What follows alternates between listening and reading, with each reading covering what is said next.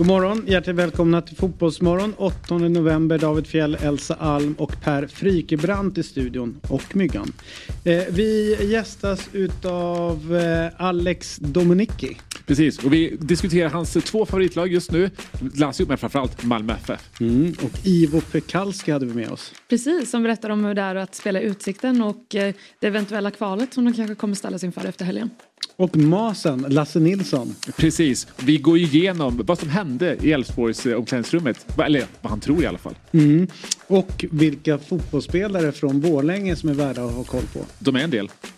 Kalle Karlsson. Precis, som berättar om eh, ja, men det allsvenska uppflyttningen och eh, vad som nu väntar för Västerås nästa säsong. Och sen, direkt från Malmö, värmlänningen Ola Toivonen! Jajamän, så har haft ett mycket att göra det här året eh, i Malmö som vikarierande sportchef, eller som ja, assisterande sportchef. Och vi diskuterar upp finalen till helgen. Mm. Så är det. Välkomna och missa inte att... Tune in! Ah, så ja! Fotbollsmorgon presenteras i samarbete med Oddset, betting online och i butik. Yeah, va? Woo! Va? Vad fan är det som händer? Va? Vad fan är det här alltså? Jag blir fan jävligt kär alltså. God morgon, god morgon, fotbollsmorgon. Det går liksom inte att sitta still. Upp och hoppa nu, vi gör det här en gång till. Det här är terapi och lösa kanoner på däck. Yes! God morgon! Hjärtligt välkomna till Fotbollsmorgon. Elsa Alme här, närvaro. Närvaro. Kan vi få av den? Ja. Per Frikebrant, Myggan kommer och Alex gör debut. Yes! Hur är läget? Toppen! Ja. Äntligen! Äntligen. Får jag vara med? Ja. Som jag tjatat. Ja, äntligen känner vi också. Ja, precis. Det, det, är ju spännande. Du ska alldeles, berätta, alldeles strax få berätta vad du pysslar med. Men jag vet ju, det är ju MFF och Lazio. Där har du lagen. De ljusblå. Ja, precis. Hörde du vad nära jag var att säga Roma? Om man börjar då med hur kom du in, eh, alltså hur fastnade du för fotboll? Oj, ja, men det är väl så jäkla tråkig berättelse egentligen att man ens föräldrar eh, ja. gillar, ens pappa oftast. Mm. Jag tror att det är så, men jag ska berätta lite sen om eh, liksom min halva min släkt är från Rom. Ja. Mm. Och eh, hur fruktansvärt stereotypt italienska de är eh, på ett roligt sätt. Men, men därifrån får man ju ganska mycket av det där mm. bara direkt när man växer upp. Att bara det är status, ja. spela fotboll. Mm. Se fram emot det. Gillar stories som bekräftar stereotyper. ja, men det är på den nivån att min, min syrras ex som är från Sicilien ja. tycker att vi är stereotypa. Ja. Alltså han, han, tycker det, det här är inte sant. Liksom. men eh, det som jag tycker är lite häftigt. Jag gjorde ett program för tusen år sedan här på eh, Dobb-TV eller Fan-TV som det heter då. Som heter Groundhopping. När man åkte till olika Mm. Eh, städer och eh, dels så, ja, kul att kolla fotboll var väl grundgrejen men, men framförallt så sålde de in det som att man skulle ta rivaliteten i de här mm. städerna. Gud vad roligt. Eh, ja det var sjukt kul. Och då åkte vi till Rom. Eh, det finns ett tydligt eh, rivallag där till Lazio. Eh, och hängde både med liksom ledarna för den södra kurvan då som är Rom men där, där vi hade ingångarna fullt ut var ju i Lazio. Pablo tror jag han heter. Han var speaker under rätt många år mm. på, uh, inne på och han själv hade ganska stökig bakgrund så han kände ju allt och alla. Och då fick man liksom följa med liksom, i den innersta utav kretsar utav de som går. Alltså den passionen och fanatismen som, som uppstod där var ju någonting som jag aldrig hade upplevt här i Sverige. Kan du som ändå liksom har fötterna i både Sverige och Italien se liksom den här skillnaden och kanske vad den beror på att de blir så extremt. Eh, och, då, och då är det inte så här passion som våld eller någonting utan de är bara helt så. Ja, men jag tror, alltså, det är inga människor som kastar gatstenar på varandra Nej. efter en Malmö-match. Eh, eh, det är mest positivt kan jag mm. känna. Men, men det säger någonting om, om hur stämningen är på ett eh, Romderby. Och jag tror att det, är, det byggs upp en sån otrolig liksom, känsla i släkter. Ja, som i min släkt då där hälften hejar på Roma och hälften på Lazio. Det blir liksom ett konstant krig. Mm. Så, så det är en sån anspänning eh, tror jag som byggs upp inför varje derby och inför varje match. De sitter i vår WhatsApp-tråd och bara hatar Så, på så varandra. familj, familjen har en gemensam... Ja, eh, ja, family, hjärta. Många handhjärtan där. Ja, Ja, men det är också ingen som kan engelska för fem öre så jag vet inte varför de har döpt den på engelska. Family. Vi har ju diskuterat en del, hel del här hur liksom rivaliteten i fotbollen har ja, men försvunnit lite grann. Framförallt kanske man i- inom de gamla klassiska rivaliteterna och de nya som har kommit upp har inte riktigt varit på samma Nej. nivå. Hur, har det hänt någonting liksom i, Rom-rivaliteten på sistone? Eller den, har den ändå bestått? Ja, men jag tycker att det är alltid samma grejer som vevas. Någon kille som blev mördad på 80-talet av motståndarlagets fans. Det har väl båda sidorna i det här fallet. Alltså, och sen så liksom växer det. Det är väl lite, liksom om man ska vara, dra en eh, liksom, eh, kanske olämplig parallell. Men Israel-Palestina-känsla på hela, hela Jag upplägget. Att det bara pågår. Men det, om det har hänt något nytt? Nej, jag tror inte det. Det är liksom, eh, jag tycker det är fint att, eh, att eh, i italienska ligan och i Serie A, liksom landet Italien är ganska liksom, ruttet på många sätt och, och rasistiskt. Men, men Serie A verkar ha kört den här no racism grejen ganska hårt. Och det, det är väl någonting jag har märkt senaste tio åren att det ändå har fått någon form av det har genomslag. Liksom. Det Lazio har till exempel inga spelare som heilar när de har gjort Nej, det är steg, steg framåt. ja, det, det är verkligen ett steg framåt. Och det sjuka, första gången det- jag såg det, jag vet inte hur gammal jag var. Då var man så här, nej det där, det kan, han kan inte mena det där, det måste vara något fel. Alltså, här, nej. det, ja, det, var, det var så, Vilket konstigt skämt. ja, varför gör han sådär för? Och varför står de på läktaren och hakar på? Det måste vara någonting annat. Haka på. Ja, ja, ja precis. Ja, du tänker så. Ja. Göteborgare. Ja. Ja. Det finns ju någonting ändå mellan Värmland och Göteborg som Ja, det är den västkusta, västkustska dåliga skämsgenen. exakt, exakt. Ja, den följde inte med till mig riktigt. Nej. Jag fick ju de bra skämten. Finns det rivalitet? Nej, Nej, utan mer bara att det är samma släktskap, lite Ja, samma ordvrängeri. Så. det är våra kusiner på landet liksom. Ja, exakt. exakt. De som fick liksom flytta, i, flytta iväg. Och det De som inte riktigt passar in i storstan. tydligt i lördags tror jag var. När det var Frölunda-Färjestad i Skandinavium. Då var det ju väldigt mycket så att det var kusinerna från landet som var på plats. Kan vi Alltså- meddela att det vinnande laget kom in på min eh, restaurang så jag satt och käkade på. Eh, de hade bokat bord sent så de fick eh, uppe på tavlorna övervåningen. Alltså Frölunda. Exakt och då, då ska de glida in liksom, gå igenom hela restaurangen och upp för trappan och sätta sig. Ja, det var solbrillorna på inomhus på många. Det var det.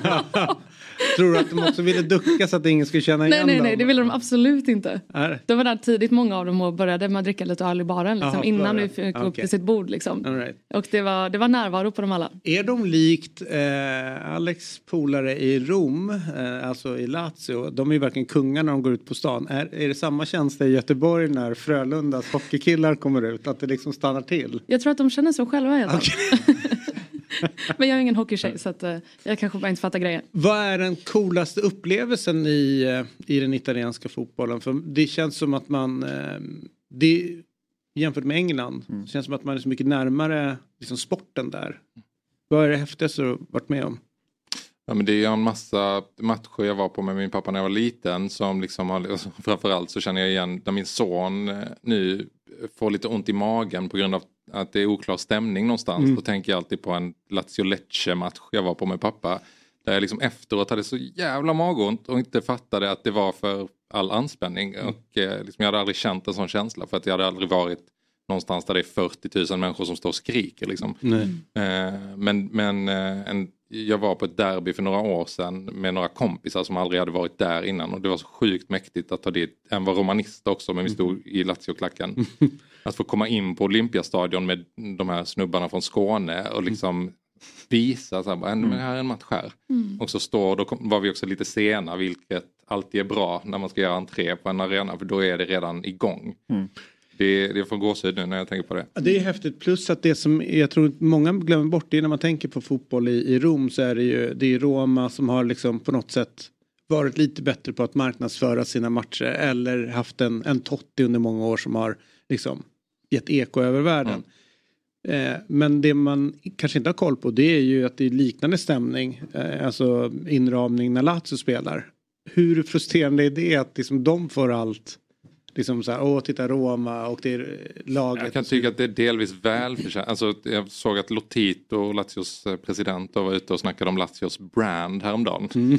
Det är ju ja. Det uppskattar man som supporter. Nej men alltså, det är så misskött ja. på så många sätt. De lägger upp så fruktansvärt fula så, eh, älvor innan matcherna ja. och om man liksom har ja, men på något sätt jobbat med form i sitt liv så ser man ju att det här är klåpare som håller på med detta. Mm. Alltså från ja, ax till limpa egentligen. Mm. Och eh, Roma har ju en mer uppenbarligen mer professionell eh, organisation. Och då över tid så bygger man ju ett varumärke som kan sälja tröjor världen över. Det gör ju inte Lazio. Jag såg, de hade lagt upp när de visade nya matchtröjan nu som är jävligt snygg. Mm. Så hade alltså på riktigt fotat med mobil.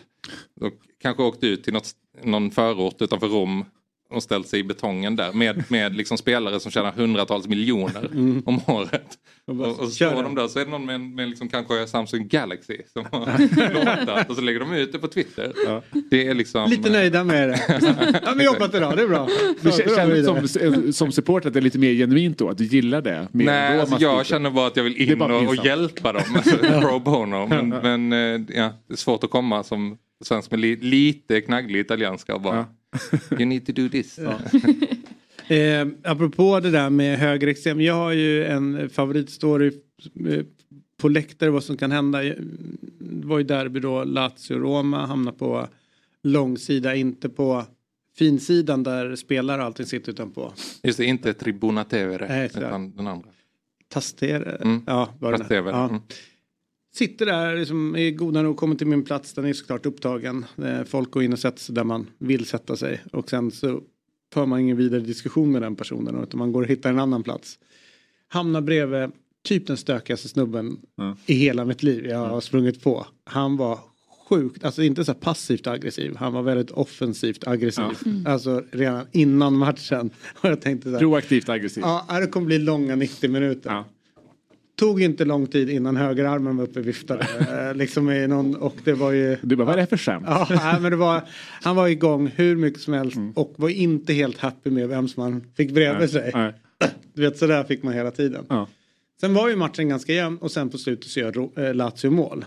Och han blir ju, alltså från att gå den här tuffa liksom alfahanen så blir han ju bräcklig och så oerhört glad. Du vet, så här, det, det finns ingenting som euforin bara tar över allt.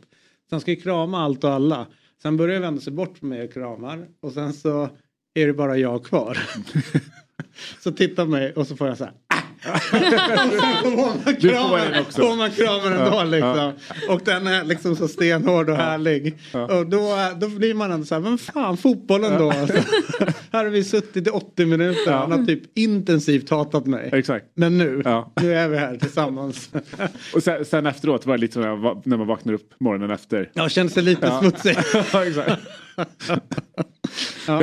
Du var inne på det där förut med liksom, alltså arbetet mot rasism och så. Och, och det var så här, för kanske 10-15 år sedan så såg man ju på liksom, den italienska fotbollen som lite liksom, ja, men bakgården för det i den europeiska toppfotbollen. Nu med insatserna som, som Serie A har gjort så är ju, liksom, det känns som att man har tagit kliv där. Spanien har snarare tagit liksom, ledarpositionen. eh, men märker man av det också på läktaren skulle du säga?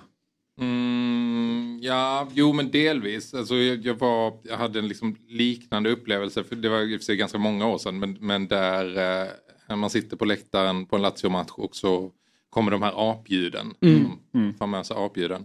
Och eh, då, det var så jävla fint för att då var det några som satte igång och så var det en liten kille som satt framför mig som hakade på. Mm. Bara av, han, han, tänkte att det är så man gör liksom. Och då var det liksom tio pers runt honom. Som, för då satt vi på lite finare platser. Mm. Som direkt bara, alltså i princip gav honom en lavett. Ja. Eh, så, så, det är en, också återigen ett exempel på att det kanske har blivit lite bättre. Mm. Eh, Men mot, sen, mot uh, Lukaku, han har ju fått höra ja, under året också mm. liksom. Så att de, de det har blivit bättre, jag håller med. Men mm. det finns kvar. Ja, verkligen, men det, det, är mycket bättre nu. Men jag, jag, tror att Italien är eh, på ett helt annat sätt ett eh, liksom, multikulturellt och multietniskt land nu. Eh, och att det har ja, men sagt, väldigt basic grejer, det syns i media.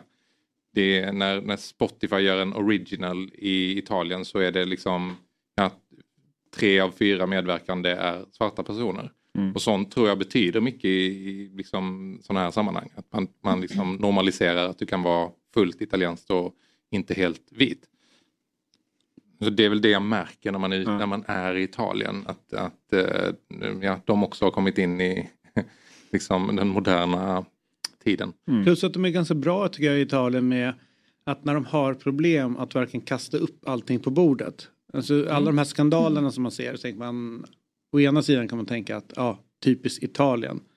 Men sen så kommer det fram att det pågår i andra länder också. Men där, ah, vi gör en utredning, typ mm. City. Ja. Den, den, pågår ju. Det mm. kan ju vara så att de har gjort väldigt mycket fel och kommer mm. bli straffad för det. Men i Italien så kastas ju allting upp på bordet.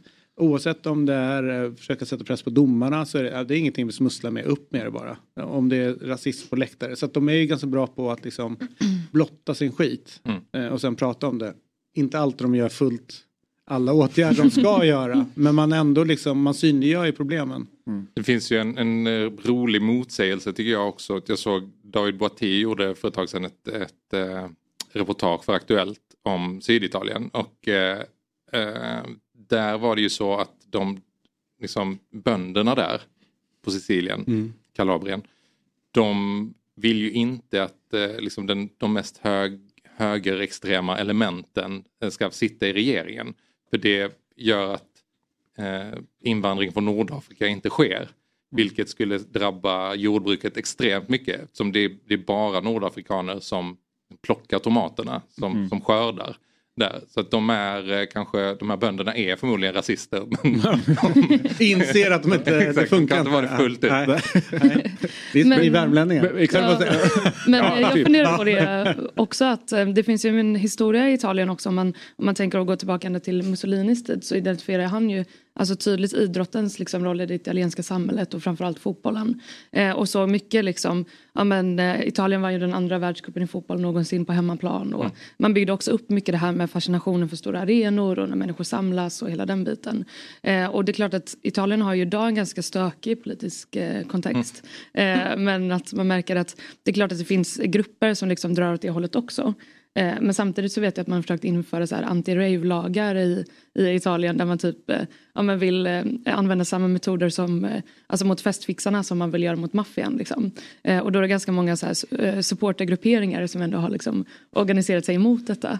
Jag kände inte till det, vad roligt ja. att, att det är, finns en sån jag visste inte ens att det fanns rave i Italien ärligt Det har varit en sån jättegrej typ att man så här, på samma sätt som man typ eh, ja, men förföljer folk som är i maffian, alltså på rätta grunder såklart med att liksom hålla koll på vad de skriver i liksom chattloggar och, eh, och sådär så har man försökt göra samma sak med folk som har raves. Alltså, men verkligen få bort det för det har varit jättestora problem framförallt i storstäderna. Eh, man kan tycka, eller problem problem, det finns ju de som säkert tycker det är, det är kul och en del av liksom, ja, men en, en, en kulturyttring liksom. Men eh, för det tänker jag, då är det ganska många supportergrupper som har liksom, ja, men tycker att det är också en viktig del av Italien mm. eh, och kämpar emot det ganska starkt. Ja, kul. Mm. Jag har noterat att eh, en, några av de som har varit mest aktiva mot eh, maffian i Italien nu också har börjat ge Sverige råd. Eh, ja. vi ska göra med våra gängkriminella, vilket är en sjuk twist ju. Ja.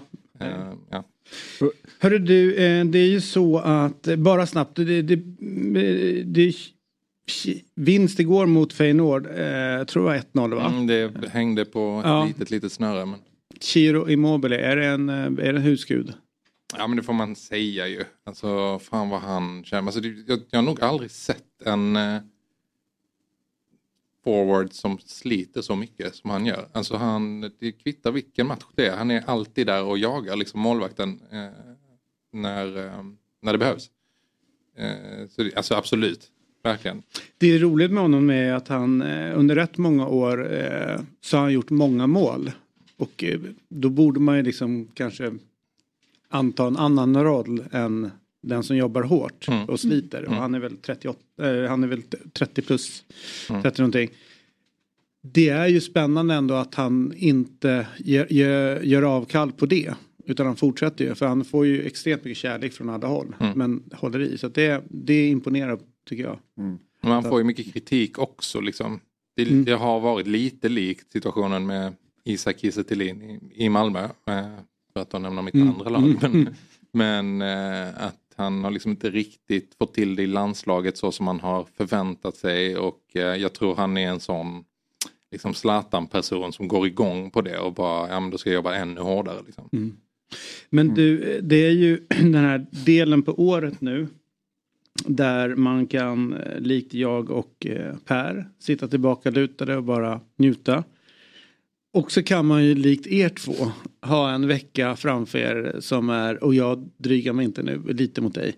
Men... Eh... En aning. jag är van. Ja. Hur jag har kört här hela året nu. Hur är den här veckan? Ska vi börja med den positiva? Och du måste väl ändå tänka jag att visst kändes guldet kört inför matchen Elfsborg-Degerfors? Eller hade du fortfarande hoppet att Degerfors skulle ta den här poängen? Jag var nog inte så pessimistisk. För att eh, Ja, men man vet ju att allsvenskan inte håller den kvaliteten. Det är så förutsägbart. det, det fick vi ju se dem i slutminuterna om inte annat. Ja men exakt. exakt. Ja, men det var verkligen så här. Många var ju chockade över hur mycket det brändes där. Mm. Men jag tyckte att det var ganska representativt för eh, liksom, allsvenskan en, en dag i november. Mm.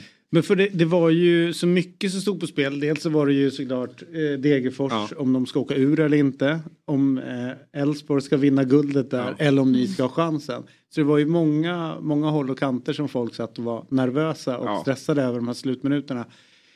Kändes du någon panik över att Degerfors skulle liksom bli huvudlösa och bara köra nu? Så att Elfsborg får den här öppningarna bakåt. Det var ju det som hände. Det var ju ja, men jag tycker ändå att det var liksom. någorlunda kontrollerat utav dem. Att de inte gick liksom all in direkt. Utan det var någon minut där på slutet när liksom jag, man ser ju inte riktigt när man tittar på tv. Heller, men jag hade eh, liksom någon idé om att det bara var anfall mm. på båda sidor. Så att de hade bytt sida ja, Och det var så det kändes för det var, kom ju våg på våg åt olika håll. Ja, ett utkast så var det friläge. Ja, ja, men nej, jag, för jag vet inte, vart var spelarna? För det var alltid två mot en. Hela tiden. Så det var alla andra spelare.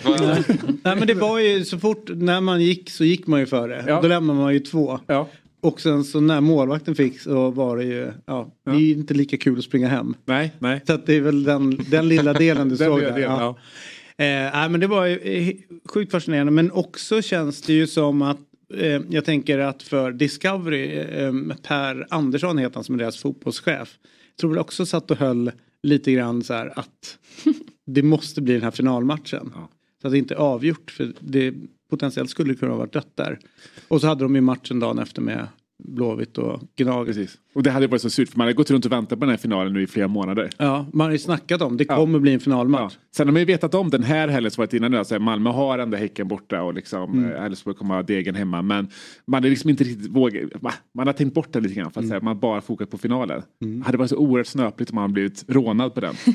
ja, alltså som neutral supporter fattar jag det men det var ganska roligt för jag var ju på matchen i, i söndags mm. och eh, eh, satt på pressläktaren och det var väldigt kul för att då var jag på presskonferensen efteråt eh, och först var det liksom stämningen på plan att alla kände liksom att fan det här är kört liksom. Det finns inte en chans att Elfsborg torskar guldet i Borås och de börjar visa liksom bilder på arenan på liksom, ja men eh, i princip ett guldfirande som har börjat på torget och det är liksom uppslutning. Och sen kommer liksom Rydström in på presskonferensen och han ser ju så himla ledsen och besviken ut. Det, han tror ju där och då att han har torskat guldet liksom.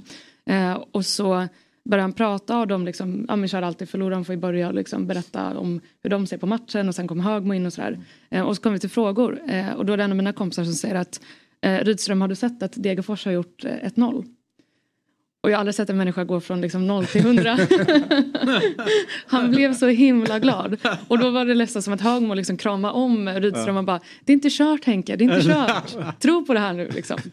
Så att, Ja, även om jag liksom, det är klart att Malmö är liksom en, en antagonistklubb för, för Blåvitt liksom, så var det ändå, det var ändå en ganska fin scen att se, att se en människa liksom, mm. ändå gå från 0 till 100 på det sättet. Och... Var det därför du sprang in på plan där i andra halvlek? Exakt, du och dina kompisar där. Nej, då, då såg resultatet ut positivt för mig. Ja, ja.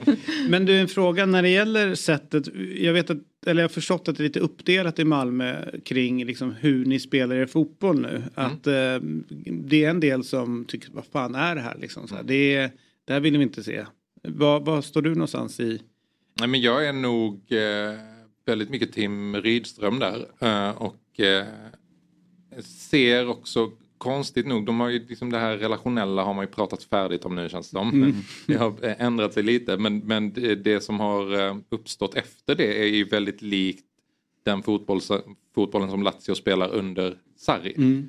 Eh, alltså det här som kallas Sarribal, väldigt mm. taggig, mm. Liksom fram och tillbaka fotboll eh, och lite mer eh, rak mot målet. Men jag menar, alltså det är också så konstigt att prata så, i så generella termer om hur Malmö spelar för de har så, så det, om, om du har Taha Ali på planen så ändras ju allt. Alltså mm. då spelar du ju på ett helt annat sätt, mm. bara på grund av honom. Älskar du honom?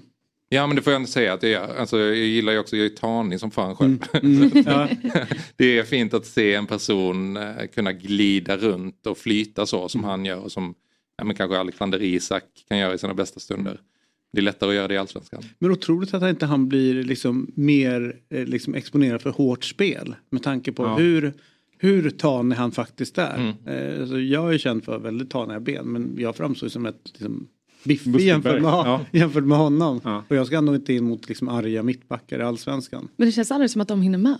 Alltså det känns ju som att de försöker gå in tufft och framförallt på konstgräset så hinner de ju inte med. Men de hinner aldrig liksom komma nära. Eh, utan han är, ju, han är ju så snabb, han kan ju liksom rinna igenom med vilket försvar som helst. Mm. Eh, det är ju ja, otroligt snabb. Mm. Vem har du som favoritspelare i laget? Oj, det, det skiftar verkligen från match till match. Var ett tag eh, Martin Olsson gjorde ett otroligt mål för några matcher sedan. Det var det han. Ja, det var det. men, eh, men, eh, men Taha är ju fantastisk liksom, och sen så gillar jag verkligen eh, Busanello. Nu har ju varit helt otrolig mm. eh, och en sån värvning, alltså, det är alltid knepigt att, att värva från en helt andra ligor, från, från liksom lite okänt håll. Mm.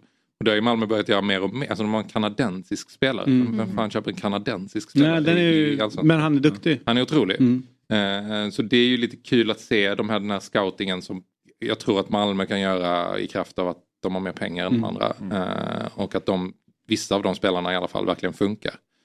Det här med att ni har, innan vi släpper in nästa, det är Ivo Pekalski en, eh, en gammal favorit får vi ändå hoppas att det är. Verkligen.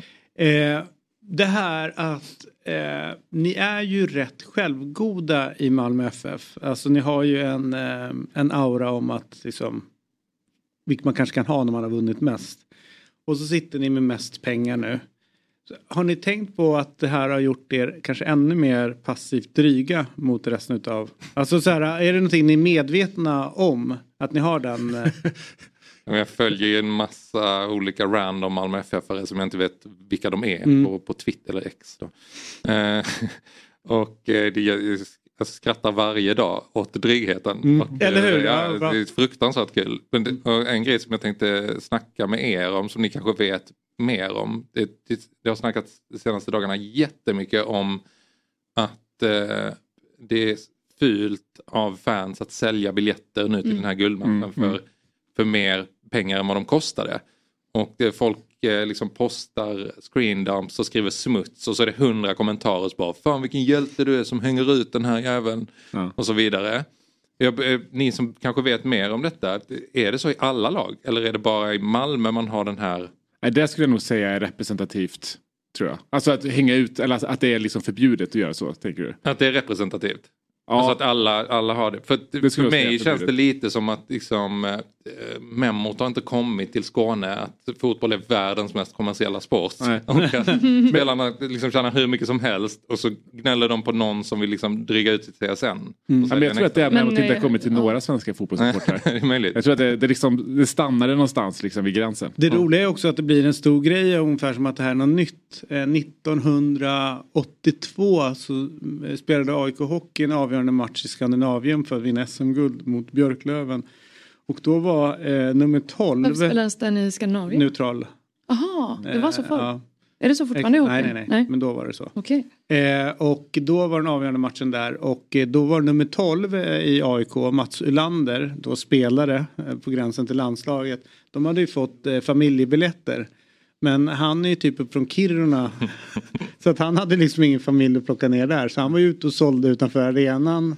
Plåtarna och det var inte face value som han sålde till utan det var ju bra mycket mer för att tjäna lite pengar till, till a-kassan. Mm. Så att liksom det har ju pågått länge så att jag, det är ju som du säger om det finns en hög efterfrågan och en liten arena då blir det dyra biljetter. Man, Men... man, blir ju sugen mm. på det. Jag, hade ju, jag var ju på Tottenham-Liverpool, alltså Champions League-finalen 2019. Mm. Jag hade svinbra biljetter. Jag såg jag liksom såhär, några timmar eller såhär, förmiddagen innan matchen. Såhär, de där biljetterna går liksom för ja, men, 140 papp. Mm. Liksom man blir man blir ganska sugen. Och slänga, på, slänga ut den. Exakt, ja. exakt. Men det, jag tror det handlar också om principen. Alltså nu har jag också sett de här alltså människorna som lagt ut. Och jag tror att jag såg någon biljett igår som såldes för 25 000 till matchen. Mm. Eh, och det handlar väl också mycket om att Alltså som, som supporter... Det är min kompis lillasyrra som säljer den har jag sett.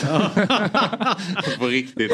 Skickade till honom bara, du, entreprenör. Då ska jag passa mig. nej, men, men, jag, jag tyckte det var fruktansvärt kul.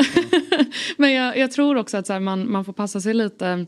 Eller så här, Eh, alltså som supporter så eh, finns det väldigt många som lägger liksom, tid, energi, ideellt arbete och åker liksom, land och rika runt för, för sitt lag. Liksom. Mm. Och det kostar ganska mycket pengar och det, det kostar ganska mycket tid och engagemang och sådär.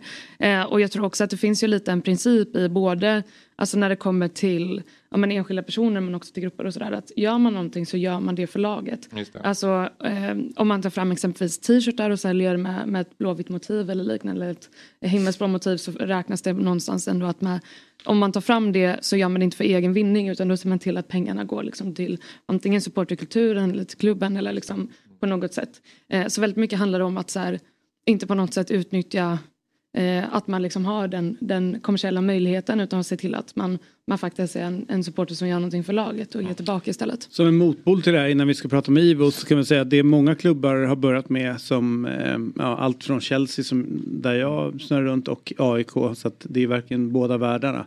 Men det är ju att man har det interna systemet att eh, om jag inte kan gå på match då kan jag göra min biljett tillgänglig för någon annan. Mm. I, eh, alltså, och egentligen ge bort biljetten. Så det har ju blivit ganska poppis att göra. Och i Chelsea så har man en intern eh, biljettportal. Eh, som då säsongsbiljetter går in och säger så här jag kan inte gå på den här matchen. Och då är det face value. Så att all, allting snurrar runt där för det som är mm. liksom på mm. framsidan på biljetten.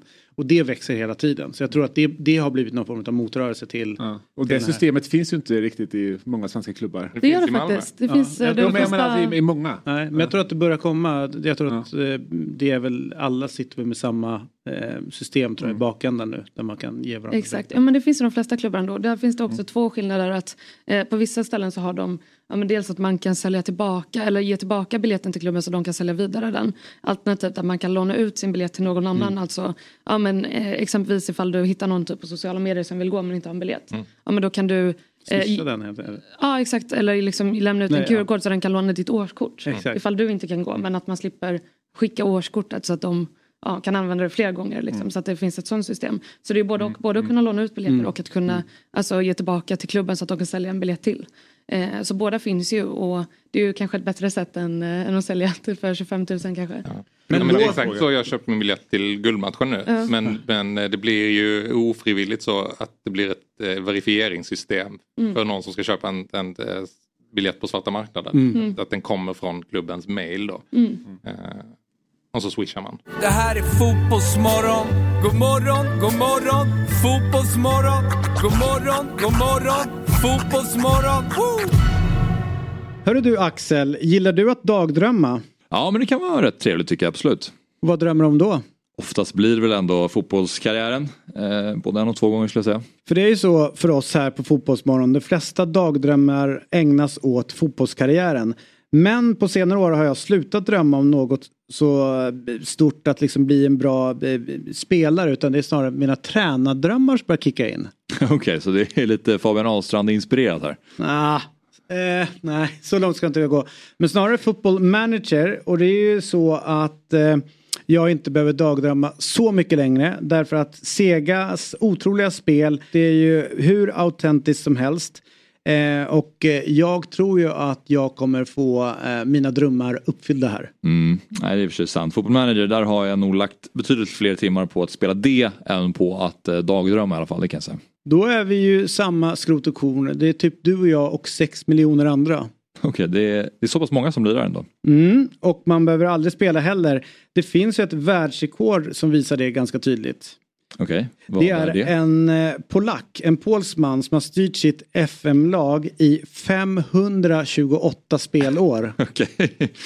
Ja, jag hoppas att jag inte riktigt behöver 528 år innan jag kan ordna upp AIKs kris i min egen FM-karriär. Jaha, det är här du håller på med nu på jobbet istället för att arbeta. Det är alltså football manager. Ja men självklart gör jag det. Jag är ju på god väg att värva Jordan Larsson nu återigen till AIK. Jag tror att han kommer såklart bli nyckel i anfallsspelet den här säsongen för AIK. Då är vi samma skrot och korn som sagt var. Football manager 24 går alltså att köpa nu till PC, Mac, Playstation och Xbox bland annat.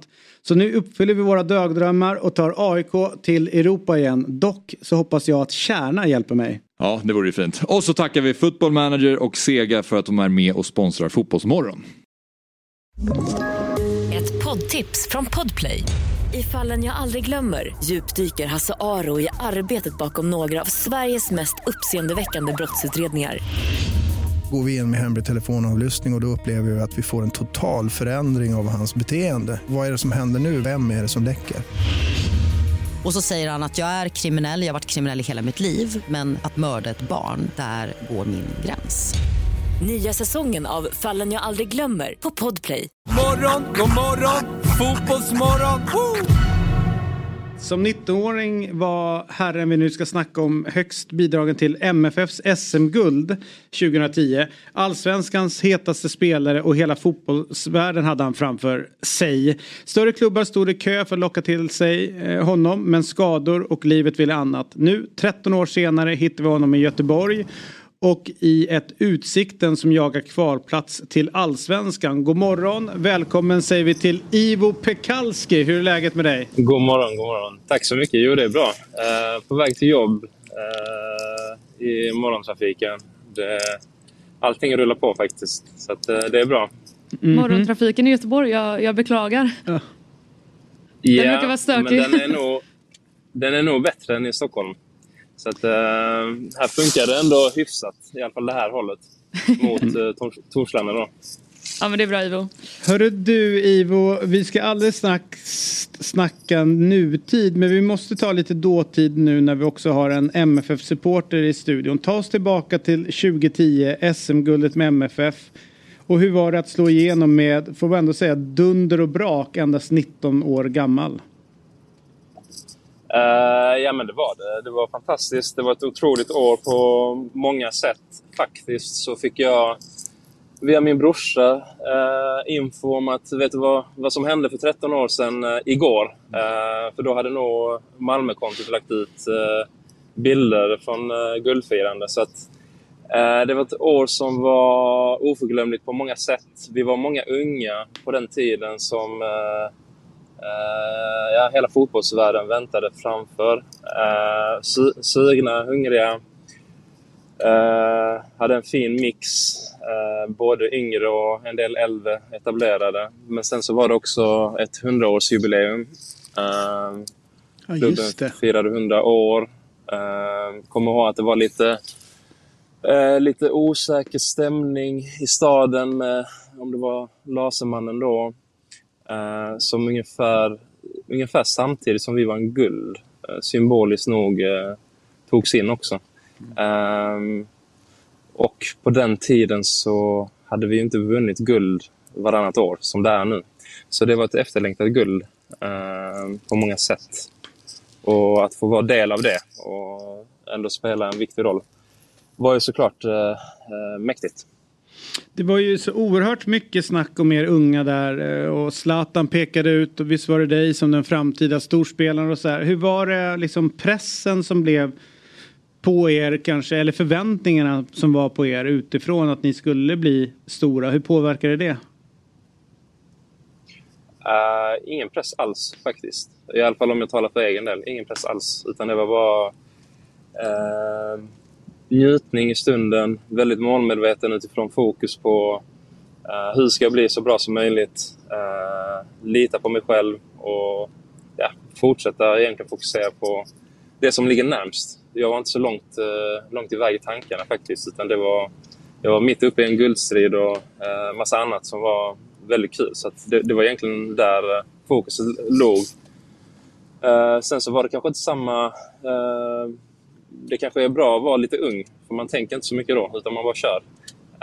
Um, och eftersom det här var en ny situation och ganska många som inte hade gjort så mycket matcher kanske på allsvensk seniornivå så var det bara att köra och inte fundera så mycket. Jag tycker inte det var eh, så spänt egentligen eller eh, någon större press utan det var, det var mer eh, att det var en, eh, förväntningar och roliga Eh, utmaningar som väntade oss. Sen såklart ville alla samma sak. Eh, så det, det fanns en anspänning men att det skulle vara någonting som var negativt laddat fanns inte på det sättet. Eh, så som jag minns det nu i alla fall. Två frågor innan vi lämnar Malmötiden då. Du spelade med Agon Mehmeti. Kunde du hålla fokus på själva spelet när ramsan rullade på läktaren? Ja, men då började man sjunga med. Så att, eh, eh, då var det något annat. Det var väl där man tappade fokuset egentligen. Men sen fick väl eh, tränaren säga till att du, hallå, då får du ta fokus på bollen istället. Pr- pratade ni någonting om den ramsan i laget? Att den var väldigt, väldigt rolig? Jag tror att alla ramsor som gick fram till match eller eh, efter, och, efter matcher och alltså, när man samlades på träning. Det är sånt som kunde dyka upp såklart. Lite Ja. överallt. Hörru du, nutiden då? Efter några säsonger i Häcken, Halmstad, Norrby och en sväng i Oxford. Det tyckte jag sig var jävligt mäktigt när du var där. Så har du nu hittat hem i Utsikten. Vad, vad är det här för, eh, för, för lag du har hamnat i och varför har ni gått så bra i år? Eh, man kan väl säga att det är en liten kvartersklubb, lite likt Norrby faktiskt. Ungefär samma förutsättningar. Uh, ruskigt... Uh, vad ska man säga? Inte så bra ekonomi kan man väl säga. Uh, men väldigt många goa, uh, goa gubbar och människor som bryr sig. Uh, många, många spelare som är hungriga.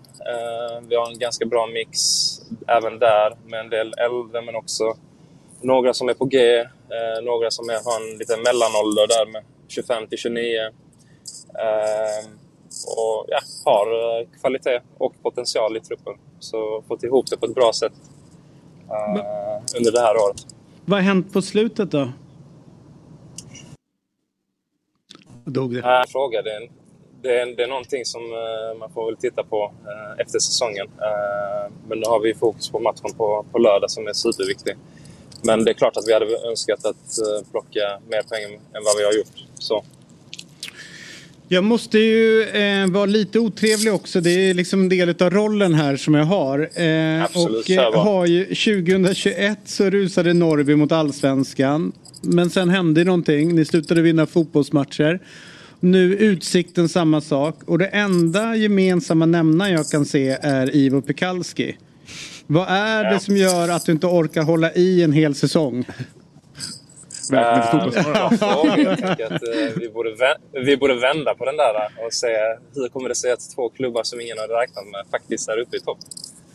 Eh, Också. Bet, bättre, bättre, Ja. ja, jag Det fattar. en, be- en bättre frågeställning. Men eh, för att svara på den, det, alltså det, är väl, det finns väl många bitar egentligen. Eh, alltså, att vara med hela vägen gäller ju att vara konsekvent. Både eh, alltså, fysiskt, mentalt, taktiskt. Eh, man kanske har eh, en mindre trupp i jämförelse med andra.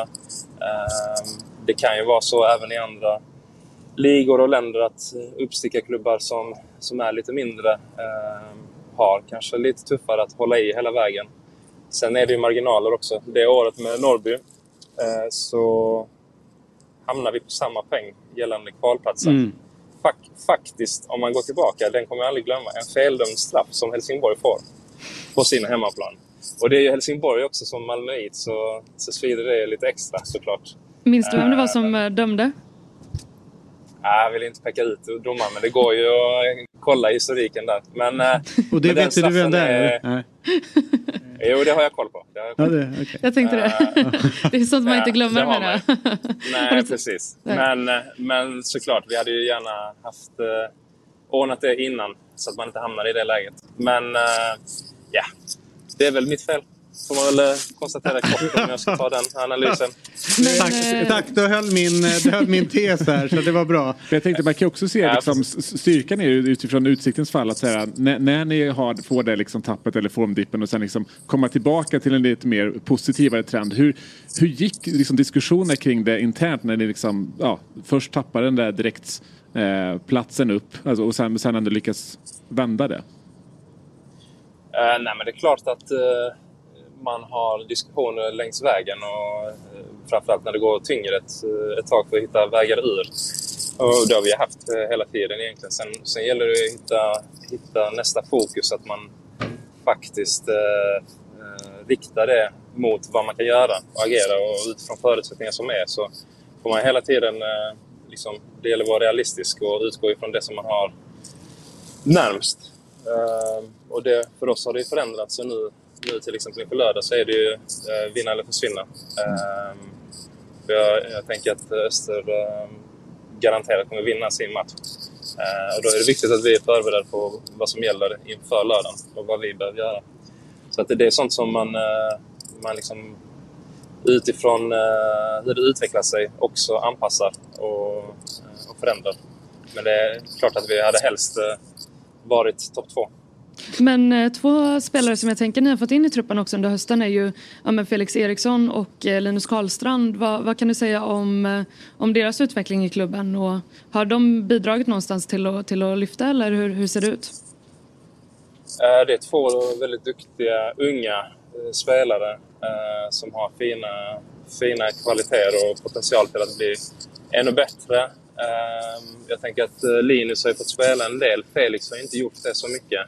Ehm, så, så de, eh, när det gäller Felix så kan man inte säga att han har eh, liksom fått, fått chansen till att visa vad han går för.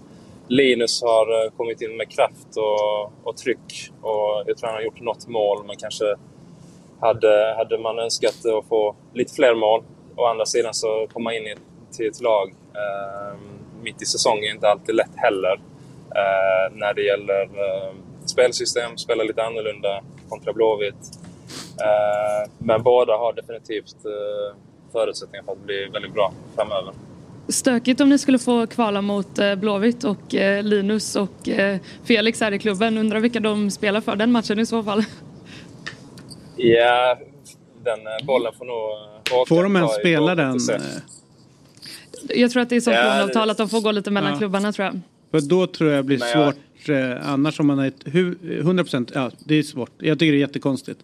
Jag såg nu också Hugo Jag- Bolin jag- eh, i Degerfors var ju spelare då mot Elfsborg. Det är klart att, hans, eh, att han nog tar extra löpmeter där. Men det är ju komplicerat där. Utlånade spelare som spelar mot Mm. det utlånade laget och vad hamnar man då? Om man kollar Linus till exempel, eller visst hette han det? Felix. Felix. Eller båda, Linus och Felix. Ja. om no, låt säga att någon av dem skulle avgöra mot Blåvitt. Eh, de åker ur och sen så nästa år ska de åka till Kamratgården och ställa sig där. Hej hej. Det blir nog tufft för dem Ja, att vara kvar i Göteborg i så fall allmänt tror jag. Ja, men, ja, men, Ja, men det, det är konstigt att den typen av klausul inte finns Ja. i svensk fotboll. Kollar du utomlands, eller framförallt i England, så är den liksom... Tyd- väldigt tydlig, tradition ja, att ha den. ja. Liksom. Men jag tror du- det där, eh, det där eh, kommer inte hända. Det, det vågar jag nog påstå. Ja, du- Att, eh, om om förutsättningarna, förutsättningarna skulle bli så att det blir en kvalmatch så mellan de lagen så, så tror jag inte de är tillgängliga för Utsiktens del. Och eh, framförallt får vi väl kanske hålla tummarna för att det inte blir så. Eh, det hade nog varit skönast för alla tror jag. Jag vet inte fan. Det, det, det Det Jag tror nog att nej. hela Sverige Nej, hoppas på det förutom nej, ni som är inblandade i det. Nej, det ska vi inte Ja, du menar så? Ja, ja, ja. Ja. Nej. Ja. Okej, du Ivo, tusen tack för den här eh, morgonen och, och stort lycka till eh, till helgen. Tack så mycket. Ha det så gott allihopa. Ja, det är samma. Samma. Ha det bra. Kör försiktigt. Hej, hej. Låt oss hålla eh, hörlurarna kvar. Mm. Vi ska ta oss från, eh, från Göteborg. Jag tror nog att det här inte är så långt från Göteborg dit vi ska. Så här, vad gör man om man är eh, eh, som spelare i nuvarande liksom, trubba, trupp och är livrädd liksom, att snacka med i den här guldveckan? Jo, man ringer upp en guldhjälte, en som vet hur man hanterar en sån här vecka. Någon som vet hur man vinner, hur det känns att vinna och en, hur en upp, optimal uppladdning ser ut. Låt oss med värme presentera mannen som sitter inne på ett SM-guld, två cupguld med Elfsborg. Vi säger god morgon till Borlänges stolthet, Lars Lasse Nilsson. Hur är läget? God morgon gänget. Eh, läget är bra. Du glömde ett danskt guld där också. Jag vill bara påpeka det snabbt. Ja. Slarvigt, slarvigt. Det danska guldet. Men du vet, vad jag, eh, du kanske inte vet, men jag tycker väl inte att Norge och Danmark står så högt i kurs. Men Danmark gillar du väl ändå? Jo, jo, men det kanske inte är just andra delar av Danmark. Men du... Du ursäkta David. Tack, vad snäll du är. Hur fan är det en sån här vecka när man går liksom och väntar på en, eh, att det ska avgöras? Vad händer med en grupp då? Eh, oj, eh, det är klart att det, det, blir en helt annorlunda vecka uppladdningsmässigt och, och mycket handlar nog om att bara försöka ta fokus från, från allvaret. Eh, sen är ju det nästan omöjligt att göra ändå.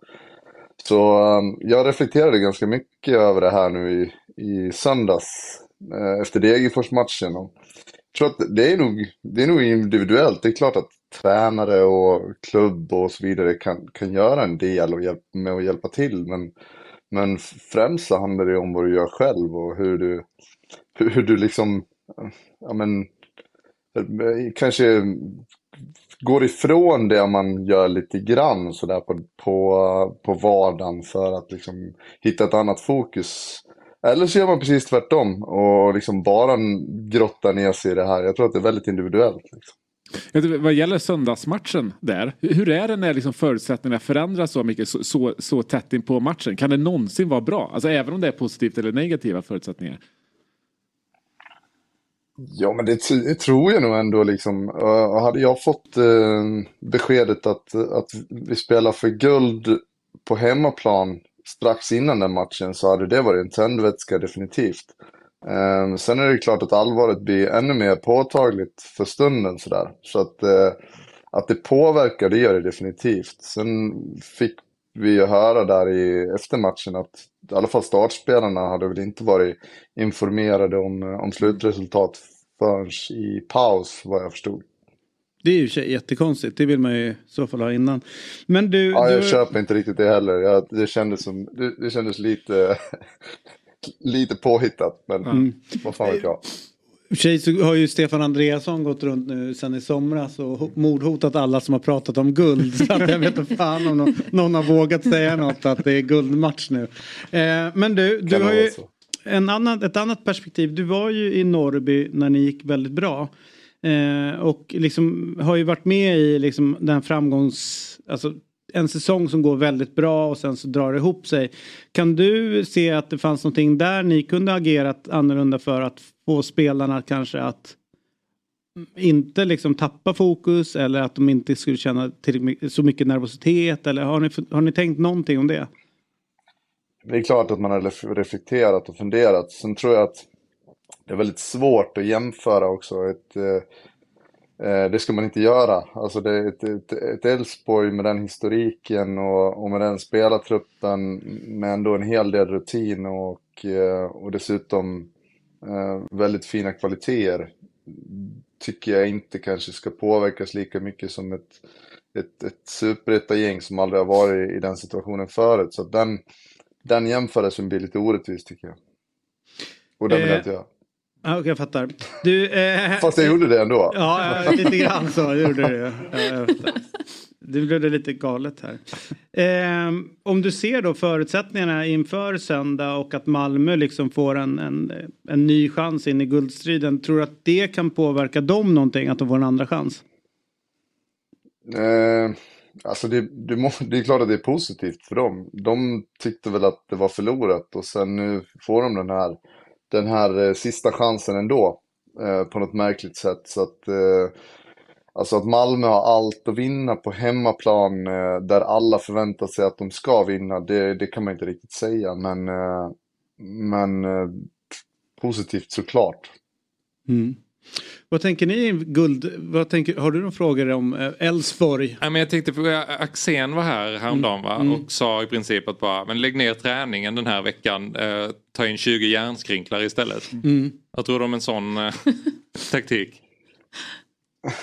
Ja, det får ju stå för Axén såklart, men jag tror att de börjar att, att rota för mycket i, eh, i de mentala aspekterna nu sista veckan. Det tror jag bara är dumt om jag ska vara ärlig. Men jag förstår vad han menar. Och jag, jag tror det var lite det jag var inne på eh, i början. Jag tror att göra eh, men relativt samma saker i träning, inte hålla på och fokusera på på matchen i sig utan fortsätta jobba med det man har jobbat med hela året. Men kanske också hitta en lite mer lättsam inställning till träningen och att det kanske inte behöver vara eh, skarpt varje dag utan eh, att det, det, kan få vara lite, lite skoj och, och, och garv. Liksom.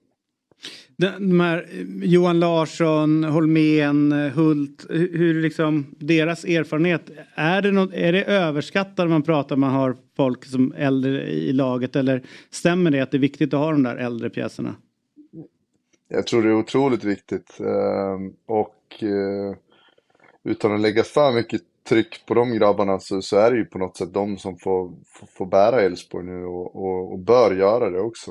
Eh, och jag tror att de är up for the task liksom. De, de kommer inte att, att backa undan någon av dem utan de ser nog fram emot alla tre uh, och får försöka att leda Elfsborg till ett guld. Men uh, framförallt i de här sista omgångarna så det krävs alltid ungdomlig entusiasm eh, och naivitet men eh, också den här erfarenheten den skulle jag säga är ännu, ännu viktigare.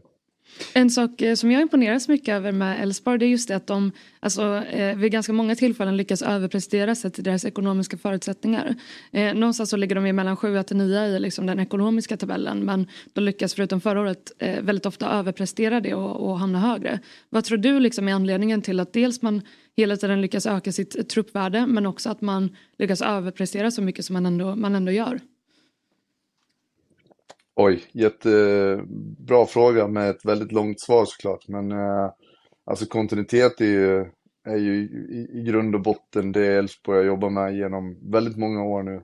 Eh, både organisatoriskt men också eh, sett till tränare så är det ganska sällan man, man, man går ifrån och, och sparkar tränare utan det är, det är en, en lång satsning. Eh, även när det går emot, för det råder ju inga tvivel om att det var tufft för Jimmy Tillin de första åren. Ehm, men, men också liksom värvningsstrategi, hur, ehm, hur man försöker att pinpointa de spelarna som kanske har varit ute och vänt en sväng och, och satsar eh, lite extra på, på att få hem dem i, i, rätt tid kan man väl ändå säga så att de inte har hunnit bli ja, sjunga på sista versen riktigt än liksom, utan har några bra år till i sig. Och, men det finns ju jättemånga anledningar såklart. Men det, det, det skulle jag säga är några av de största i alla fall. Sista fråga då. Eh, du var eh, och kände på sportchefsyrket lite grann i Norrby. Har du funderat eller pratat någonting med Elfsborg om att komma in i deras organisation och, och jobba något? Alltså jag har ju alltid haft en bra dialog med Elfsborg eh, genom de här åren. Och, eh, nu är jag ju arbetslös så att vi får väl se vad som händer. ja, Erik, nu, nu är det ungefär som att han flyttar hem till Borlänge. Många som pratar om Borlänge säger det. Jag är arbetslös. Eh, det låter som en kontaktannons. Ja, exakt, ja. Ja. Det är bra att slänga ut den. Ja, det är klart att Potentiella arbetsgivare kanske plockar upp. Och sen kanske den viktigaste ja, frågan då. Vem är, den bä- vem är den bästa spelaren från Borlänge? Eh, jo men det, det, är väl min, min pappa då i så fall. hur, och hur, hur bra var han?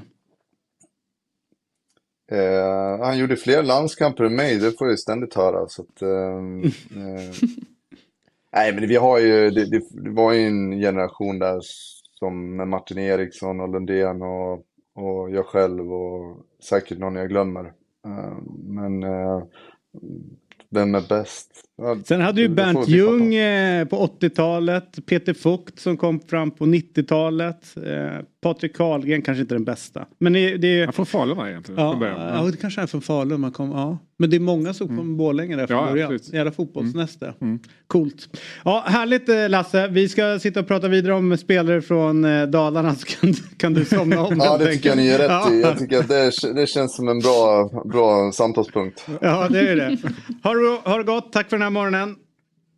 Hej, Tack hej. själva. Ciao. Ja, det är, det är häftigt med eh, Borlänge. Om man ska landa där. faktiskt. Är det verkligen det? Ja, jag tycker det. Ja, men på, Har du varit på Domnarshallen och kollat någon gång? Nej. Klassisk, Jag har missat något klassisk arena.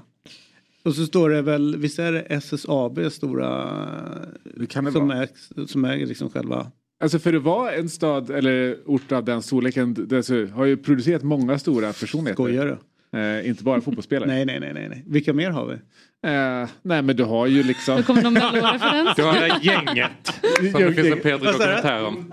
Jon Persson, Jon alltså Persson. fotbollsspelaren? Ja, exakt. Jussi Björling är född i Borlänge, tror Är jag. han det? Ja. Nej. Eh, jo. Men sen så är han adopterad eh, värmlänning. Ja, jag tänkte väl att det Också. var... För Ja. jag har alltid hört från alla värmlänningar, Ja. just Björling. Men Ja. han är så Borlänge. Sen så är Norlén... Eh, Ja, de är, ju- Gänget. ja, de är musik är ju mycket Ja. därifrån. Så att det är ju, ja men mäktig stad. Har det varit en bra morgon så här långt? Otrolig. Ja. Verkligen så kul att eh, få vara här och gagga med er. Tippa nu gärna dina matcher här i helgen. Wow. Romderbyt.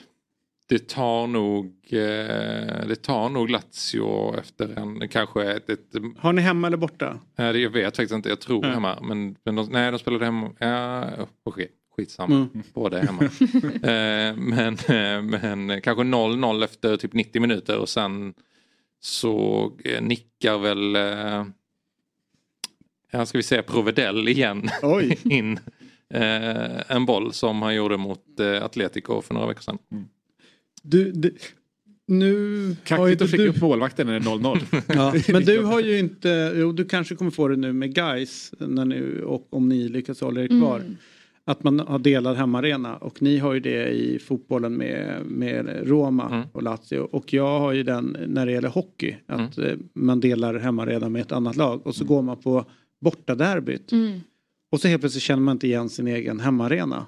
Alltså det är fel musik, Mm. det är konstiga grejer de håller på med. Att det känns verkligen som en, en bortamatch fullt ut. Mm. Även fast allting är sig likt. Man ja, mer eller mindre har sina platser och sådana saker. Men är det så i Rom också att eh, jag vet att om man är på Tele2 på ett derby exempelvis så är det ju så att eller bara på en vanlig match så är det ju så att Djurgården har egna kortsidan som sin hemmaläktare och Bayern har andra. Och även under derbyn så håller man fast i det oavsett vem som är liksom hemma men så är det ju. Mm. Det är liksom Och det är så- kurva nord och kurva syd. Men, men sen är det ju inte riktigt en Sen sån så takeover på samma sätt som det kan vara i allsvenskan.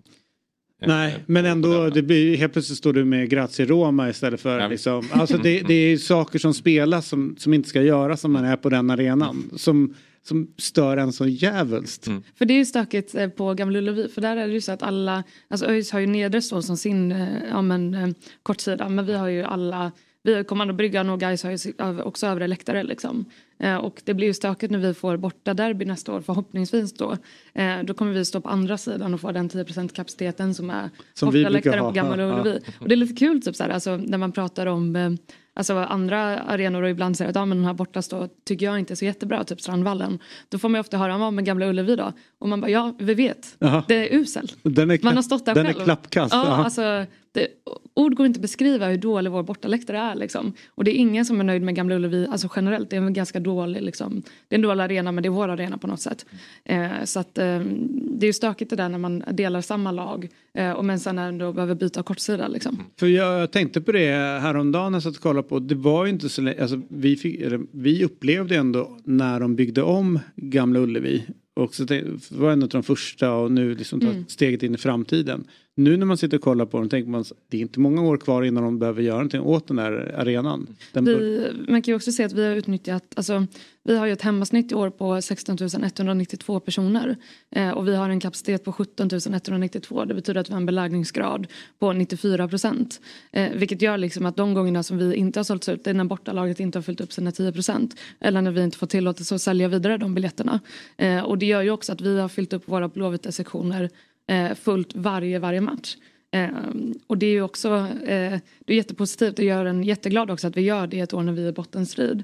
Men det är också problematiskt att vi inte har en arena med en större kapacitet. Och Ni har ju en med större kapacitet. Ja, men det är ju ingen fotbollsarena riktigt utan det är, liksom, det är en konsertarena Ja. om man ska vara ärlig. Liksom. Eh, och eh, anledningen till att, eh, eller så här, eh, IFK Göteborg tappar ungefär 30 60 miljoner varje år eh, gentemot andra publiklag just för att vi har en arena som inte har ja, men tillräcklig kapacitet. Så ska vi kunna ta, ta kliv nu handlar det såklart om att överleva och någonstans komma upp till att prestera eh, utifrån våra liksom, ekonomiska förutsättningar igen. Där har jag min målsättning. Liksom. Men om vi någon gång i framtiden också ska, ska komma tillbaka och ta oss upp till liksom, toppen igen så behöver vi ju också hitta ett sätt att få in mer publik och då är det förmodligen en, en ombyggnad eller en ny arena som behöver komma till. Mm. En ny arena till i Göteborg. Vad ska den heta? Ja, eller Stu- Stureplan. Gamla nya, gamla nya, gamla nya. Bakom vägen för ett nytt populistiskt parti kan jag Ja, lova dig. Om det, om Ja, det ja. Händer. Ja men den är ju, det är ju spännande med, vi, har bara konstaterat med de eh, AIKs publiktillströmning, Bayerns, Djurgårdens och viss med Malmö. Det är helt enormt mycket folk som är på de allsvenska arenorna nu. Mm. Och att det är, när lag ändå går tungt så är det liksom publikrekord som slås. Det är ju helt galet. Det man är lite rädd för det är ju så för att man bygger ännu större arenor och sen så slår pendeln tillbaks åt andra hållet. Och så sitter man som det var när man började gå på fotboll på Råsunda. Det är Mm. 5000 pers. Och det känns väldigt, väldigt dystert. Men hur är det på Friends? Alltså, det, jag tänker ju att AIK tjänar en del på de, den möjligheten att sälja fler biljetter när det väl smäller. Ja, plus Men- att men de kan ju stänga annars? av det tredje etaget så då, då tar ju det. arenan 30 000 tror jag. Och då blir det faktiskt ganska bra stämning. Ja. Alltså, jag Eller ja, där... så, så bra det kan bli på den skitarenan. Ja men såklart. Men jag har också Mm. varit alltså, på matcherna mot Varberg och eh, ja, men Degerfors där det är, liksom, det är ganska, absolut att ni var liksom en prekär situation men jag tycker ändå liksom att eh, jämfört med några år sedan när man kunde se 5 000 på läktaren mot Häcken eh, så nu när det säljer runt liksom 20-19 000 eh, även en sån Mm. match så ser man ju ändå att eh, stämningen från norra ut till liksom långsidan har ändå liksom börjat sprida sig. Eh, det är inte riktigt samma som det blir på Tele2 eh, när Hammarby eller liksom Djurgården någonstans lyckas få med sig hela liksom, läktaren runt. Men jag tycker ändå att man har börjat liksom, hitta lite hem på den arenan också. Eh, och eh, som neutral åskådare så har man ändå uppskattat också att det blir en annan publikmatch. Liksom.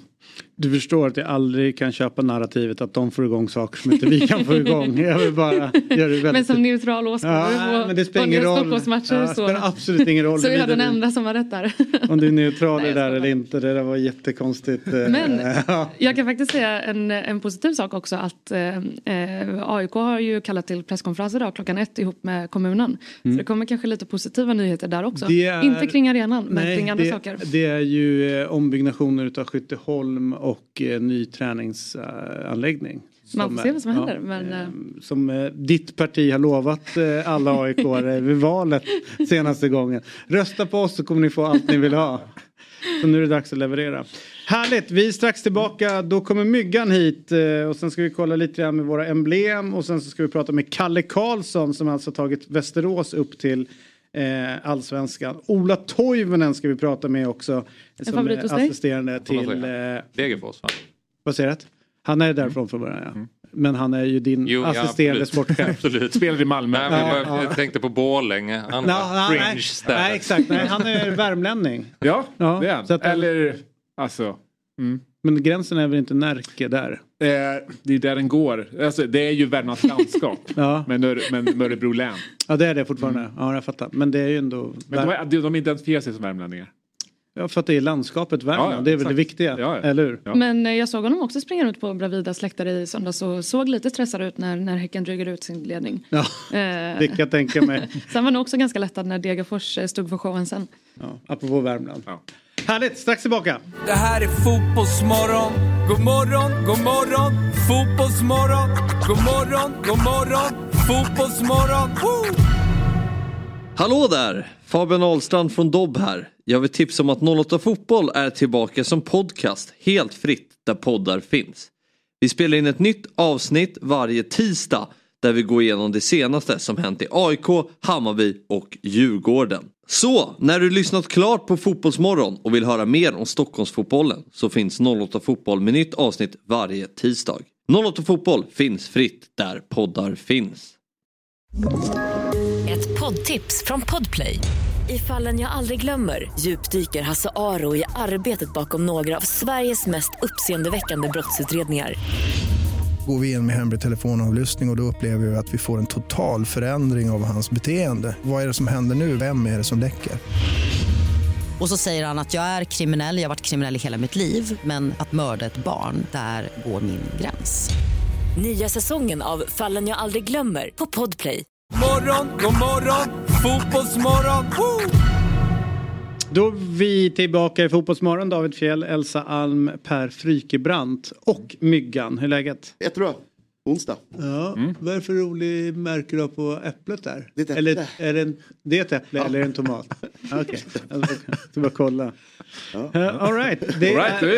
ja, kör vi. onsdagar och vi har en ärlig fråga till dig.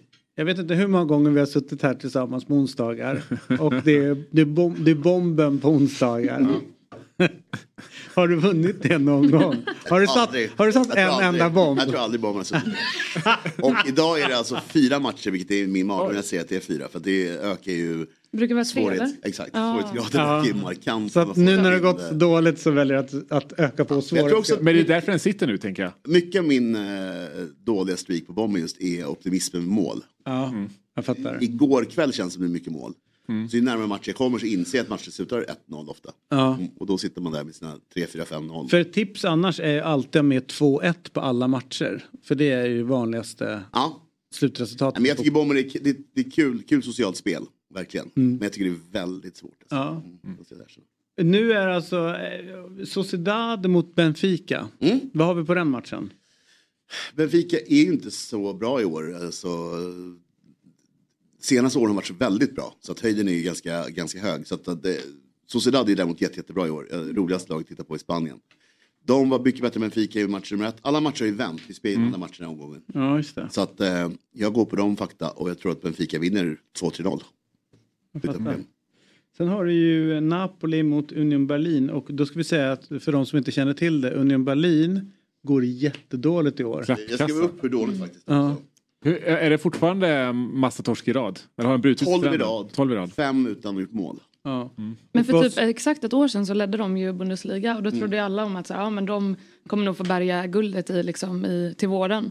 Eh, men sen så gick de ju verkligen och, och chokade totalt. Mm. Och, ja, alla minns ju den eh, avslutningen gick så att eh, det är märkligt Det egentligen hur, liksom hur snabbt det har gått. Ja, verkligen. Ja. Plus att det var dels avslut och sen så i botten så var det ganska dramatiskt och så blev det stadsrivalen Hertha åkte ju ur.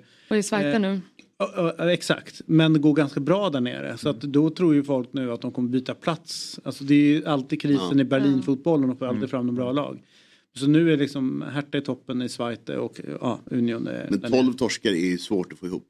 Den, den, Ja, det är Hur- ju... hur. En som man försöker. Ja, Ja, och, och det är inte, alltså, det är inte ett kryss emellan, det är 12 torskar. ja, och de har också försökt inför säsongen ska man säga då att eh, liksom försökt spetsa laget lite grann nu när de ändå gick så bra förra året. Ja. Bonucci går Ja. dit liksom, var ju inte aktuellt för något år sedan att gå till Union Berlin. Nej. Men de har inte fått ordning på någonting. han är någon schism med tränaren också nu. Så att, Igen, Ja. Eh, ytterligare en tränare. det, är- det, är- det är som det är. Ja. Men, äh, men Napoli sagt jag, jag tror lite grann att de är lite mer Champions League-vana. Jag tror inte det blir liksom 5-6-0 för det utan jag tror att det kan bli 2-3-0. Mm. Det är liksom, Det är och där kan vi spara in lite tecken också tänker jag. Sen har du en riktig rysare här. Du tror att Braga vinner mot Real Jag Madrid. tyckte de var rätt bra mot Real Madrid senast. Och om Bellingham inte spelar, jag skrev att man ska nog vänta till 20.00 och bestämma sig. Jag skulle nog, det här är nog om Bellingham inte spelar. Mm. Jag har svårt att se Real Madrid eh, bara vinna matchen enkelt. Men spelar han vinner de nog. Därför tänker jag, då kan jag ha 2-0 där. Eller 2-1. Samma sak där, Real Madrid är inte heller ett lag. De är inte heller 7-8-0. De är ju rätt proffsiga i det här. Mm. De är på tempo, det är 65. Och ganska bra också på att eh, liksom pulsera en säsong. Mm. Där de känns som att de alltid är bra. Efter, alltså vet, februari. Någon liknande. Och men kan torska mot vilka som Växa helst. upp liksom. Ja. Men eh, matchen innan var ju så match också att de, de stod ju 0-0 länge och sen så avgjorde de i slutet. Så Mm. det, de bara höjde tempot sista tio minuterna. Att, lite den tanken är jag inne på. Sen Salzburg måste ju vinna. Men de har 7-8 skador på startspelare i den här matchen. Det gläder mig. Och på tal om proffsiga Champions League-lag tror jag att Inter, det är en kort resa, de vinner 1-2-0. Och Åker hem. det, ingen kommer att höra något om den här matchen. Inga highlights kommer visas. Nej. Ingen kommer bry sig. Ingen kommer bry sig. Nej, precis. Man vet knappt att den har spelat. Nej, har eh, liksom skog och träd och faller och allt det där. Hela grejen. Det är ju som att vara på fotboll när Hertha Berlin spelar. Jag hävdar fortfarande att det är världens roligaste grej. Eh, med det här med respekt mot motståndarlaget. Eh, det är ju att, låt säga att Hertha ligger under med 3-1 efter första. Då ropar ju spiken ut liksom att det har blivit ett mål i första halvlek. Och så berättar de liksom Herthas Ja, mål. hoppar. Eller när Hertha gör mål så är det ju på med någon så här uns, uns, musik. Och så står ju han där. "Tå!" Det skriker som en fullständig galning. Eh, och det kan vara typ ett, tre målet de gör liksom. Och det blir jordens fest. Fest. Men de andra tre målen som bortalaget har gjort. Då har de inte sagt någonting. Utan det bara kommer upp på storbilden. Vem som har gjort mål. Och sen så kommer det. Så att de, de liksom annonserar inte ut det. Lite hockey på något sätt. Ja. Alltså utan att ha varit på så mycket hockey. Exakt. Men just det där att man totalt ignorerar. Ja, Eh, annars har man ju så här, målet är bortalaget. Det vill man ju inte höra. Vi är Nej. där, vi har sett att de har gjort mål. För skit i det liksom. Så. Det finns, det finns andra gånger som det är mer opassande. Typ Varberg hemma i år när vi ligger under med 2-0 och Gustav Norlin gör 2-1 på straff. Heja Blåvitt drar igång i högtalarna. Nej. De kör den. Ja vi har ju, den, vi har ju målgäng. Ja men alltså okej. Ja. jag- Men det är typ ganska... Ja, Ja, men hemma. exakt. Ja, exakt. bra, bra. Men, men annars en ganska kul grej med alltså just eh, alltså fotboll i, i Tyskland och sådär det är att de har så himla många organiserade supportrar. Mm. Eh, och det finns ju väldigt mycket liksom, så här, saker man ska göra. Typ, så här, eh, I många svenska läktare så börjar man ju sjunga innan avspark och sådär. Många i Tyskland har ju bara så direkt på avspark så börjar man också dra igång och då är det nästan liksom Mm. militariserat stöd i liksom att så här, alla gör allt, alla ska liksom någonstans, du har liksom tusen organiserade supportrar som bara liksom går igång på samma gång Mm. och kör liksom, i 90 minuter. Och, ja, det är lite, det, det skapar en spännande atmosfär. De blir upprörda om någon då börjar sjunga fem minuter innan. Mm. Då är det så här, nej nej nej. nej. De här, man har bara x antal minuter med bra sång i sig. Ge fan i att spoila den innan. Med 7000 pins på sig. Exakt, Ja. men de har också så här, tycker jag, coolt med, äh, inte bara organiserat i supporter utan det är Mm. också att man åker från olika samhällen äh, och, och träffas liksom och åker till matcher. Okej. Alltså det, Mm. Och det är inte bara att man träffas och åker dit utan det är en hel dag. Det är, det är maten, ölen såklart. ja men allting, det är, det är ju som en process för att gå på fotboll. Här i Sverige är vi mer att kanske någon polare men annars går man till, till matchen. Men det är ju liksom en hel dag som man är borta när man kör här. Så det är coolt. Verkligen. Verkligen. Det, när man kollar de här matcherna här Mm. så får man inte lite känslan av att så här, grupp F, hur mycket man än liksom gillar den gruppen, och den har ju verkligen levt upp till liksom, Jag vet inte vilken det förväntningarna. Eh, alltså dödens, Dödens grupp. grupp. Ja. Eh, så har väl den... Och det är Newcastle, Dortmund, Milan, Milan PSG. Så har väl den gruppen också lite dödat det övriga gruppspelet. Jag säger, det blir, det blir liksom för Mm. Ja, men eh, ointressanta matcher liksom, i, i de andra grupperna. Att allt fokus blir liksom på, på grupp F. Ja, men det, är nog, det är nog väldigt sant. Eh, jag tycker att Sociedad, uh, härvan är rolig. Det finns roliga grupper ska jag säga. Ja. Jag håller med om Mm. att gruppen har my- mycket fokus. Ja. Men nu är det skakats om rätt ordentligt. Alltså, Newcastles resa är ju rätt intressant. Ja, ja, den gruppen är ju helt... Alltid svårt tänker jag liksom med, dels som deras bästa spelare i de här matcherna tycker jag då Isak inte är med. Uh, Callum Wilson tycker jag inte håller i, i här riktigt så. Men inte sen Joel tror- Linton heller på topp. Inte Joel Linton heller på Nej, topp. men jag tror också det tar ett tag innan man kommer in i alltså, eh, som en sån klubb som kommer upp som har varit borta från allting under rätt många år. Att hantera både Champions League-spel, eh, vanligt liksom med ligan, kupper och alltihopa. Det blir liksom en extra grej. Och jag vet att Sir Alex Ferguson sa det att det tog sjukt många år innan de som organisation i Manchester United fattade vad som innebär att spela eh, i, i Europa. Två, man- två från kriget. Ja exakt och hur man ska sova, vart, när man ska åka, alltså allt det logistiska runt omkring. Så jag är inte direkt orolig att Det det första året. Som backar av en liksom, korrupt oljestat som nog råd att anställa folk som kan implementera det. Ja men han hävdar ju att äh, Nej, vi, vet, de hade, han sa ju man jag hade tycker Man är lite naiv ibland när man pratar sånt. Alltså för att, eh, har, har du omåttliga pengar, då är det bara att ta in rätt personal. Så jag tycker det, det är liksom... Idag tycker inte jag det där riktigt håller som argument. Om jag ska helt ärlig. Alltså man hör ju i Nej, men både det allsvenskan och allt möjligt. Jag känner alltid att det är så här, Onödig gnäll eller? ja men tre till anställningar så är det där. Alltså. Ja fast det, jag tror inte att det handlar om utan det är mer liksom flöde utifrån pulsering, vad ligger matcher, vilka tar vi ut, när tar man Mm. ut dem, eh, hur hårt ska vi belasta Ryan Giggs, nej du spelar inte den här matchen. Alltså, det är ju liksom hela hur du jobbar med truppen som han sa liksom var det svåra. Sen är det klart att liksom, Mm. Ja, men jag jag vi åker klockan del. åtta och åker hem nio, ja men det kan man sätta. Men, Någonstans jag man kan liksom Ja. anställa folk på alla, alla liksom positioner som behövs för Mm. att få den inputen från olika Nej, exakt. och, och Men, runt också, så mycket. men, jag, håller med. men jag tror input är ju ganska lätt att få men det är ju att tolka den och Ja, agera på den som Ja, är på ja, rätt 100%, sätt som är, som är liksom det som tar tid. Eh, så att jag är inte direkt förvånad över att, eh, att de går så tungt. Däremot så är jag lite förvånad över att folk är förvånade över hur bra eh, Ruben Loftus-Cheek är. Mm. Där folk sitter och säger så här, ah, det här såg vi inte, visste inte. Det är ju för att folk hade bestämt sig innan Mm. att han är inte tillräckligt bra, han platsar inte. Chelsea kan aldrig vinna med en sån typ av spelare och så vidare. Han, alla, om man har bara följt honom det man har sagt och även han var, innan alla skador så var han på den här nivån. Så att det är ju liksom, Hade han, plats, hade han tagit en plats i Chelseas mittfält nu tror du? ja, 100 procent. Men igår var han inte bäst på plan. Ja. Och han är ju liksom mellan boxarna så är Ja, liksom enorm. Finns mycket. En annan sak som jag tyckte var lite spännande, alltså om vi pratade lite om, om matcherna igår, det var ju också att eh, eh, Shakhtar Donetsk faktiskt lyckades vinna mot Mm. FC Barcelona. Eh, och de spelade sin match i, i Hamburg eftersom de inte kan, Mm. kan spela i Ukraina. Eh, och där väldigt många har just flytt från Ukraina till eh, Tyskland och sådär. Eh, och det var väldigt spännande, det var väldigt liksom fin uppslutning någonstans på matchen. Och ganska fint också att de fick med sig den här segern och faktiskt såg till att Barcelona inte kunde säkra Mm. eh, vidare avancemang i, igår utan de kommer ju behöva göra det i nästa match.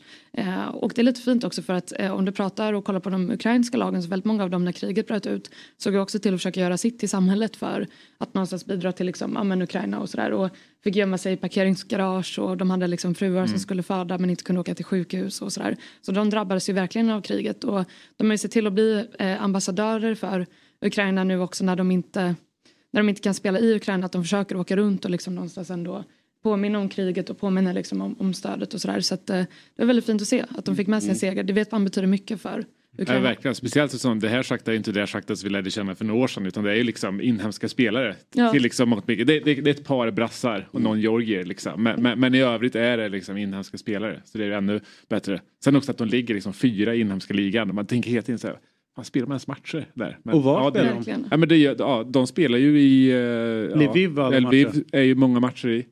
Um, sen så är det roligt, de lagen som går ganska bra i den där ligan är ju lag som ligger i ockuperade territorier. Mm. Eh, så, som Slip, slipper pressen från hemmapubliken. Jag fattar. Alltså, vi kan relatera till Exakt, ja. Du, det här är alltså en produkt, eh, alltså bomben är en produkt från Svenska Spel, Sport och Casino AB. Det är åldersgräns 18 år om man vill spela. Och Ska så vi verkligen prata om bomber här nu David? Som två, två. Uh, så stödlinjen.se finns det om man har problem. Låt oss gå vidare till något som är lite mer harmlöst. Vi håller på med att ta fram Sveriges eh, coolaste emblem. Vi, ska lite, vi har fem minuter framför oss nu innan eh, Sveriges bästa, mest spännande fotbollstränare ska vara med oss, Kalle Karlsson. Vi ska betyga, be- betygsätta dem 1 till 5 utifrån kuriosa, färg, form, motiv och originalitet. Eh, och när fem veckor har gått så kommer vi ha 16 emblem och de kommer gå till slutspel och sen så ställer man dem mot varandra. Och sen så får de som tittar och lyssnar rösta fram eh, de bästa. Vi börjar med första eh, klubben och det är Trollhättans fotbollsklubb. De är från Trollhättan såklart, i Västra Götaland. De har en hemmaplan som heter Stavrelunds IP, kallas STIP. Bra, Ja, bra smeknamn. Ja, Stipen, Stippen. Och så kiken typ. Grundat 58. Kul kuriosa. Har fostrat Håkan Mild, Johan Dahlin. Femma på det. Johan Mm, Dahlin. Verkligen. Eh, under vinterhalvåret arrangerar klubben en egen tipspromenad som utgår varje söndag från STIP. Men de har också William Lundin eh, haft honom som tränare innan han kom till Ja, Blåvitt. de. Så det drar ju ner. eh, men eh, ska vi ge dem en, eh, en kuriosa? Får de en, en trea på det eller? Ja, eller vad sa jag, är det av fem? Typ. Eh, jag, tycker, jag tycker en, jag tycker en fyra. Okej, en fyra. Ja, ja, vi Eller? det. Det ser ut som den har en liten hatt liksom. Eller så, tänker så här tant... Ja, vi kommer dit sen. Men det, Ja, det, det formen, där haveriet Tant på om engelsk eh, tebjudningshatt. Exakt så. En etta eller?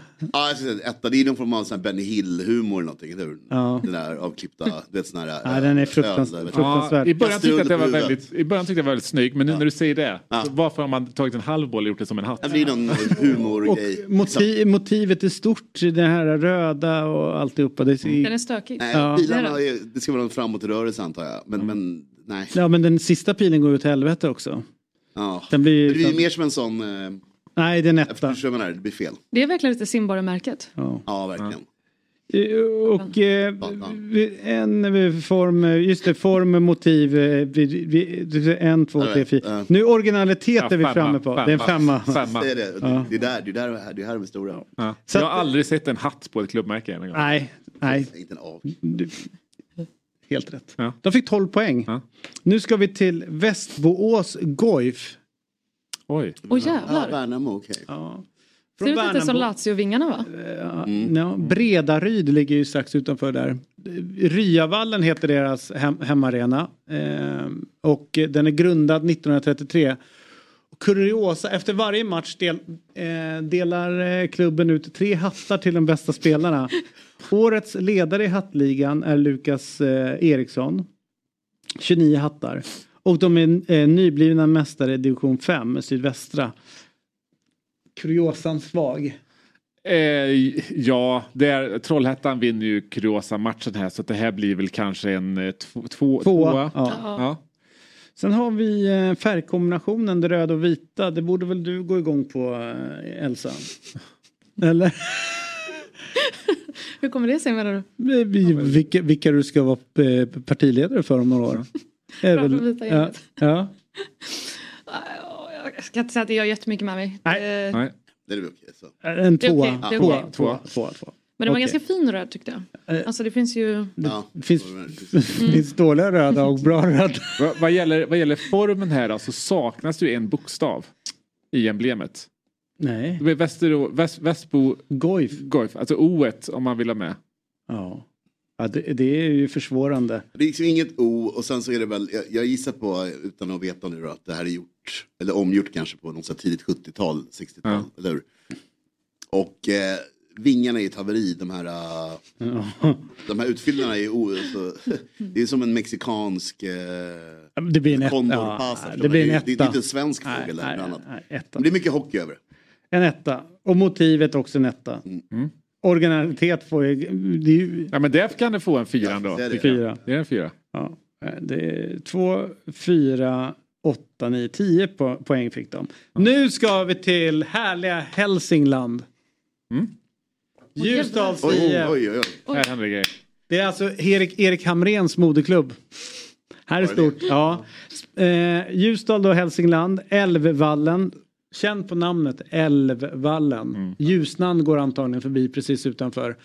Eh, och grundat 1904. Spelade tidigare i Älvvallens Airdome som då var Europas största uppblåsbara inomhushall för fotboll. Men efter att jättetältet rasat hela tre gånger sedan invigningen 2015 stängdes hallen 2019. Så nu är de ute och spelar i kylan igen. Eh, men vad fan, det här är, jag tycker att det här, det finns mycket som är bra. Ska vi börja med kuriosan då? Ja, men kuriosan är ju stark här. Ja, Airdome Alltså, var där. Ja, You had me at Airdome. ja exakt. Också att den här ras, rasade då tre gånger på fyra år. Ja, det är enormt. Eh, det, och, och Erik Hamrens moderklubb. Har vi en femma i år? Ja, det här är en femma. Man, man kan ju tänka om det fanns en sån här Visit Ljusdalen. Alltså en sån här, Ja, det eh, måste finnas. Att, att det var liksom, att det stod liksom längst upp på deras här eh, sida att kolla vi har liksom Ja, en. Air Dome Ja, i kommunen. Airdome. Det var liksom deras marknadsföring för turister typ. Färgkombinationer tycker jag funkar faktiskt i det här färg. Alltså de har hittat en gul och grön färg som harmoniserar ganska bra med varandra. Precis, och den är ju Ja, ganska unik ur, ur fotbollssynpunkt. Får de en fyra eller? Ja, den Det kan få. liksom, eh, grönt gult är, är liksom det är svårt. Ja, det är det. Ja, men då tycker de... Jag Ja. på det liksom. Det kan funka ibland. Och men... formen på den här eh, tycker jag är... eh, Det funkar. Alltså jag gillar En trea. bo- bocken, trea. Ja. Vad tycker vi om kransen då? Ja, men det är motivet nu. Alltså, Alltså, det är inte bara det, det är ju textens centrering som är ett haveri för dina ögon. Där måste ni tänka om och göra rätt. IF ska inte vara med, skriv bara Ljusdal, centrera det mycket bättre. Ja. Det här, jag får det väldigt, eh, det blir jobbigt för mig att titta på. Men, eh, men, Men jag ska inte vara där. Ja, men och så bocken är sagodjur är alltid plus, Ja. det kan jag uppskatta. Är, bock, är bock ett sagodjur? ja, men... Nej, men den är så, den är ju ripp, det är liksom Ja, en rippad. gymmad Ja, bock. Och sen så har de Äbs, ju... är bock Ja. med äbs är ett sagodjur. Ja. det är ett sagodjur, ska jag säga. De har ju skorna på. Där liksom. sitter bockar ut. Den, den går ju inte bara backa. Nej, sant. Eller bara, för, den går inte liksom i strumplästen. Nej, den säga. domesticerad. Eh, Nej, barfota rippad. heter det ja. Barfota. Barfota. Barfota. Men det, det sjunger ihop med, vad heter det, älv, älv, Ja. tänket. Ja. Kör på, sagodjur. Vad, vad får vi på den här, en fyra eller? På, på motivet då? Ja, men visst, jag är med på en fyra, men ni skulle behöva ta bort IF och Ja, men, det, det, det, men ändå liksom eh, den här äh, Loch Ness-grejen här så måste man ändå... Den, Och originalitet, en fyra eller?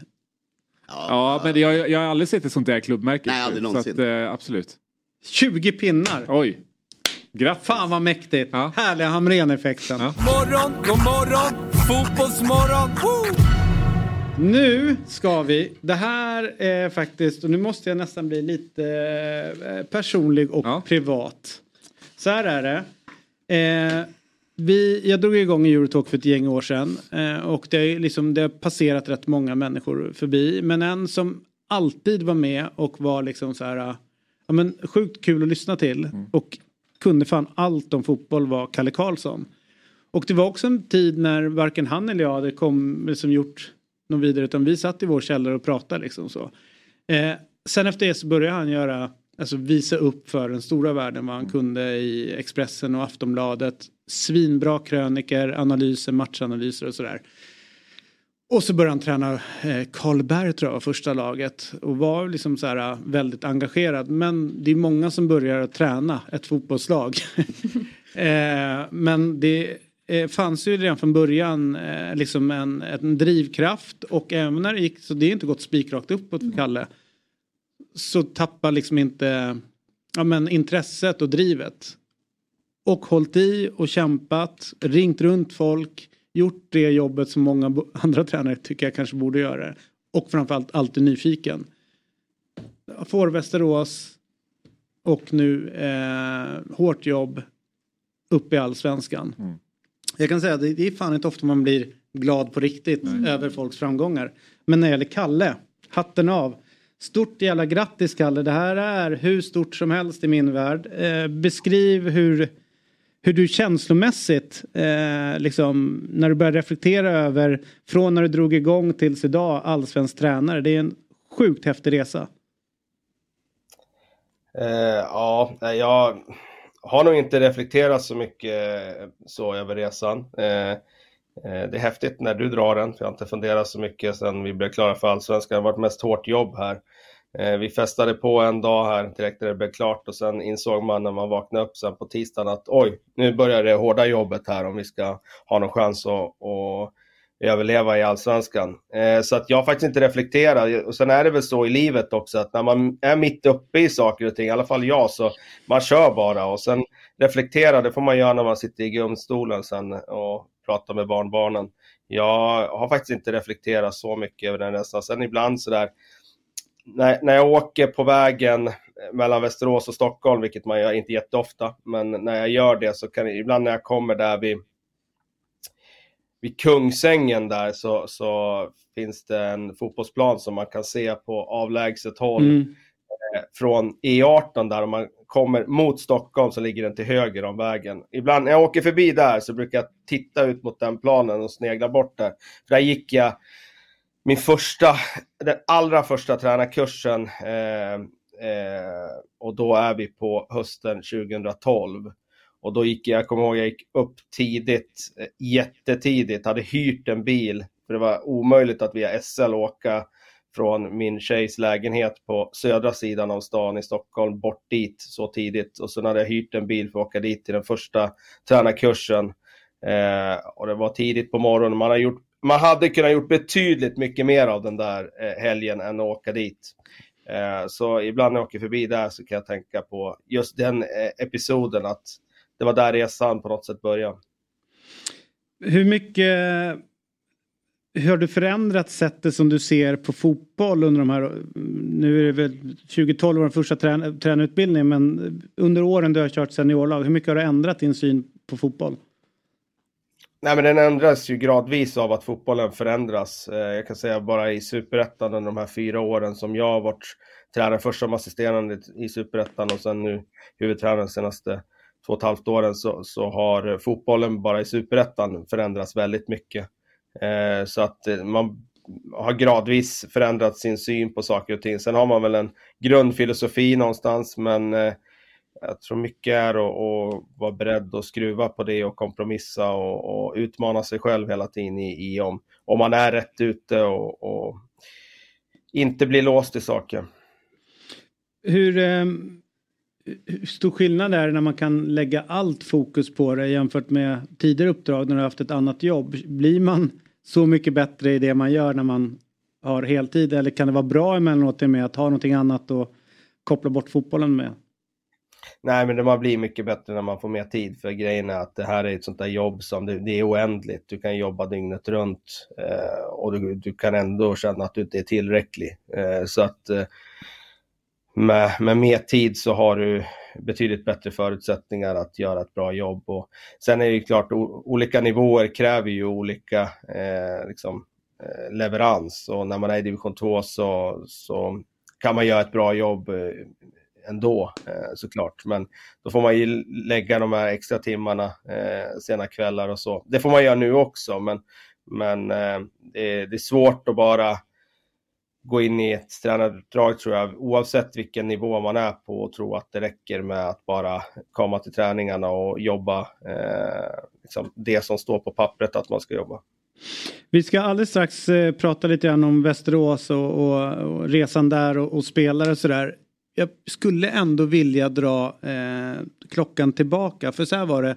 Kalle, eh, jag ljög lite grann, att han började sin tränarkarriär lite innan han tog sig an riktiga fotbollslag. Eh, han eh, jätteduktig som fotbollsspelare men skador satte ju stopp för att han skulle spela allsvensk som spelare. Så då blev han ju förbundskapten för svenska journalistlandslaget. Mm. Så det var ju stort. Mm. Och vi mötte ganska ofta eh, Finland.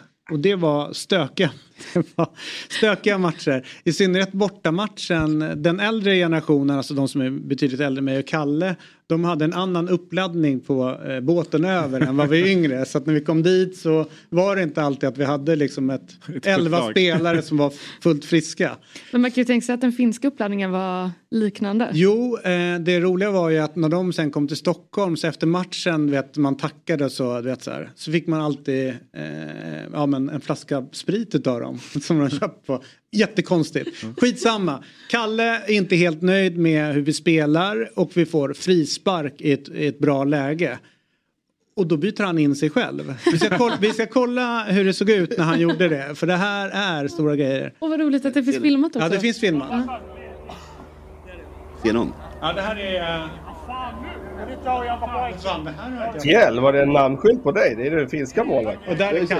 Så du mål i finska? Nej, jag stod inte mål i finska då, så är det fel. Nej, det kan måste det. Du får sparka det... skriptande. Ja, för jag stod inte mål där. Det hade inte gått så här då. Du hade ju aldrig släppt in den. Nej, nej, helt rätt Kalle. Helt rätt. Kolla nu, han har alltså precis kommit från bänken. Det här är första, första touchen. Oj. Ja, den är snygg. Det är. Så, och så gör han den där. Vet du vad han gör sen? Byter han där. ut sig själv? Ja, han är på väg bort och byta ut sig själv. där såg man ju ändå, Kalle, att du har någonting eh, i, i ledar, eh, ledarväg. Får jag ändå säga. Ja, men jag hade ju sinnesnärvaro, tillräcklig sinnesnärvaro för att förstå att så här, jag hade ju varit på planen i tio sekunder där ska jag säga, så får vi frispark. Och eh, eh, så råkar man dra in den. Nu försvann ljuset här, jag ska försöka dra på lampan igen här. Sådär, nu ser ni mig. Eh, och eh, jag förstod redan då att ja, men det blir ju inte bättre än så här. Det kommer ju bara gå ut för i det här inhoppet. så att, eh, och det, det ska ju sägas också att eh, Eh, det här är i maj 2010 och eh, i december 2009 hade jag för andra gången dragit min knäskål ur led. Så jag hade ju inte rört mig på 5-6 månader här. Jag borde inte ha spelat alls, men jag tänkte jag kan gå in och spela bollen i sidled lite. Eh, och så fick vi frispark så råkade jag dra in den. Eh, det händer ju inte varje dag ska ju sägas. Eh, det var, det, en blind höna kan också finna ett korn så att säga. Och jag bara, ja, jag är glad idag att jag hade sinnesnärvaro själv att byta ut mig själv och bara kliva av och inte spela mer. För att det hade ju förmodligen... Eh, annars hade det ju varit vilket inhopp som helst. Alla, eh, det finns massa inhoppare i fotbollshistorien som har dragit in en frispark. Men det är kanske inte lika många som har spelat 15 sekunder och dragit in. Eh, Också mäktigt när tränaren kommer in och det är en frispark. Det var ju rätt många som var rätt kåta på att ta den här. Ja. Men det var ingen snack om saken.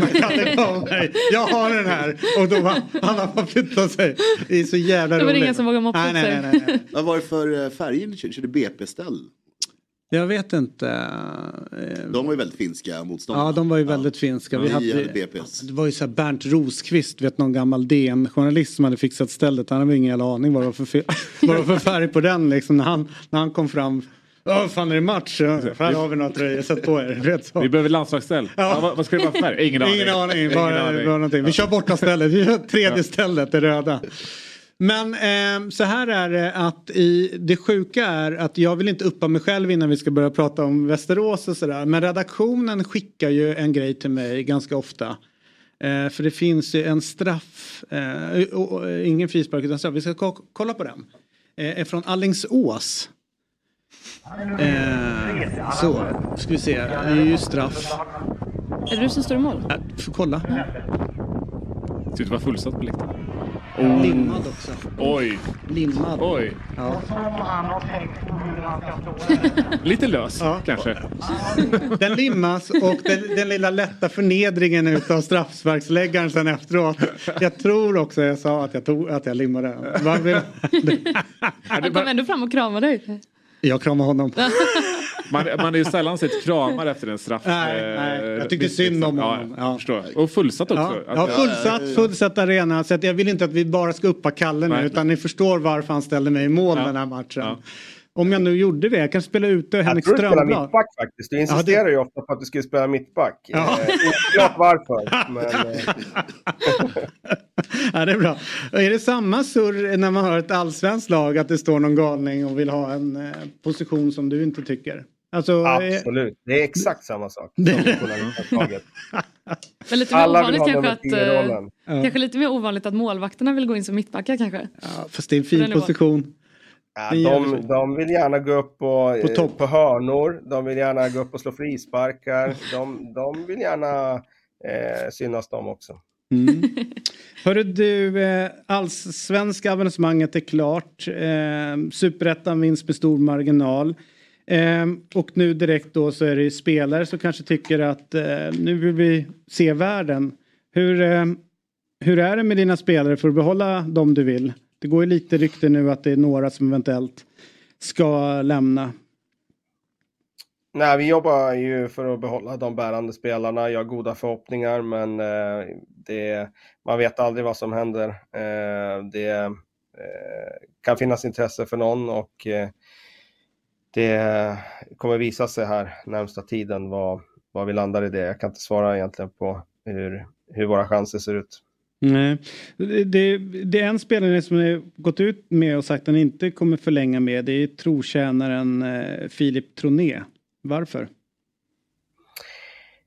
Nej, men vi har eh, eh, såklart gjort en bedömning som i, i alla fall. I hans fall så har han gjort väldigt, väldigt mycket för VSK. Eh, sen har han eh, inte spelat en lika stor roll de senaste tre åren och eh, eh, vi har gjort bedömningen att vi behöver förstärka truppen om vi ska överhuvudtaget en chans att överleva i allsvenskan och då kommer vi behöva ta vissa eh, beslut. Det här var ett av dem, eh, men det finns flera eh, beslut som vi kommer ta eh, som kommer att innebära att vi behöver eh, förstärka. Och det är väl naturligt när man går upp en serie att de spelarna som inte har varit ordinarie och så vidare, att de, eh, jag tror alla klubbar gör så, att man försöker eh, förstärka med dem på de positionerna. Man tar in spelare som är eh, ja, ovanför dem man redan har så att säga. Jag förstår.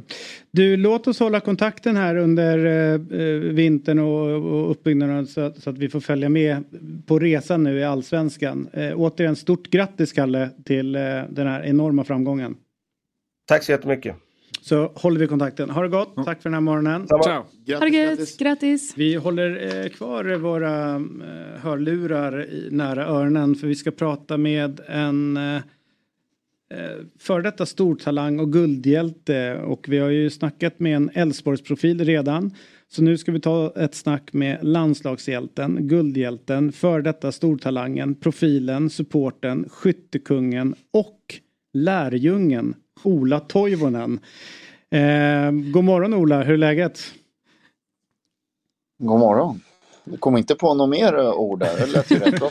Nej, nej, nej. Jag, jag fick ur eh, allt tror jag nästan. Eh, det är en mäktig karriär du, du har bakom dig. Du, det har gått ett år sedan nu du valde att lägga skorna på hyllan. Och ett år, ett år har nu gått där du har jobbat sida vid sida med Daniel Andersson. Hur har det här året varit för dig? Uh, nej, men mycket bra såklart. Uh, lärorikt och uh, man har lärt sig otroligt mycket. Uh, den ena dagen heter den andra lik som man säger och nej, det har varit väldigt inspirerande och roligt att få gå bakom Daniel och samtidigt har man växt som person utanför planen och fått tagit mer ansvar och sådär. Så nej, men det är superroligt. Väldigt bra år att liksom välja att eh, praoa som sportchef lite grann. Hänt, hänt en del i Malmö. ja, det har det ju kan man ju lugnt säga. Eh, det har varit stor omsättning på, på spelare. Eh, ny tränare som vill sätta sin struktur på allting eh, och eh, tycker att vi har kommit en bra bit på vägen faktiskt. Även om vi inte är, är i målen med, med Henrik och hans tänk och hur han vill eh, se sitt lag spela så är vi ändå en bra bit på vägen och det kan väl eh, Eh, lite pricken över i att, eh, att vi börjar vinna på söndag och få ett guld. Det hade varit en bra början på en eh, förhoppningsvis eh, otrolig resa med Henrik.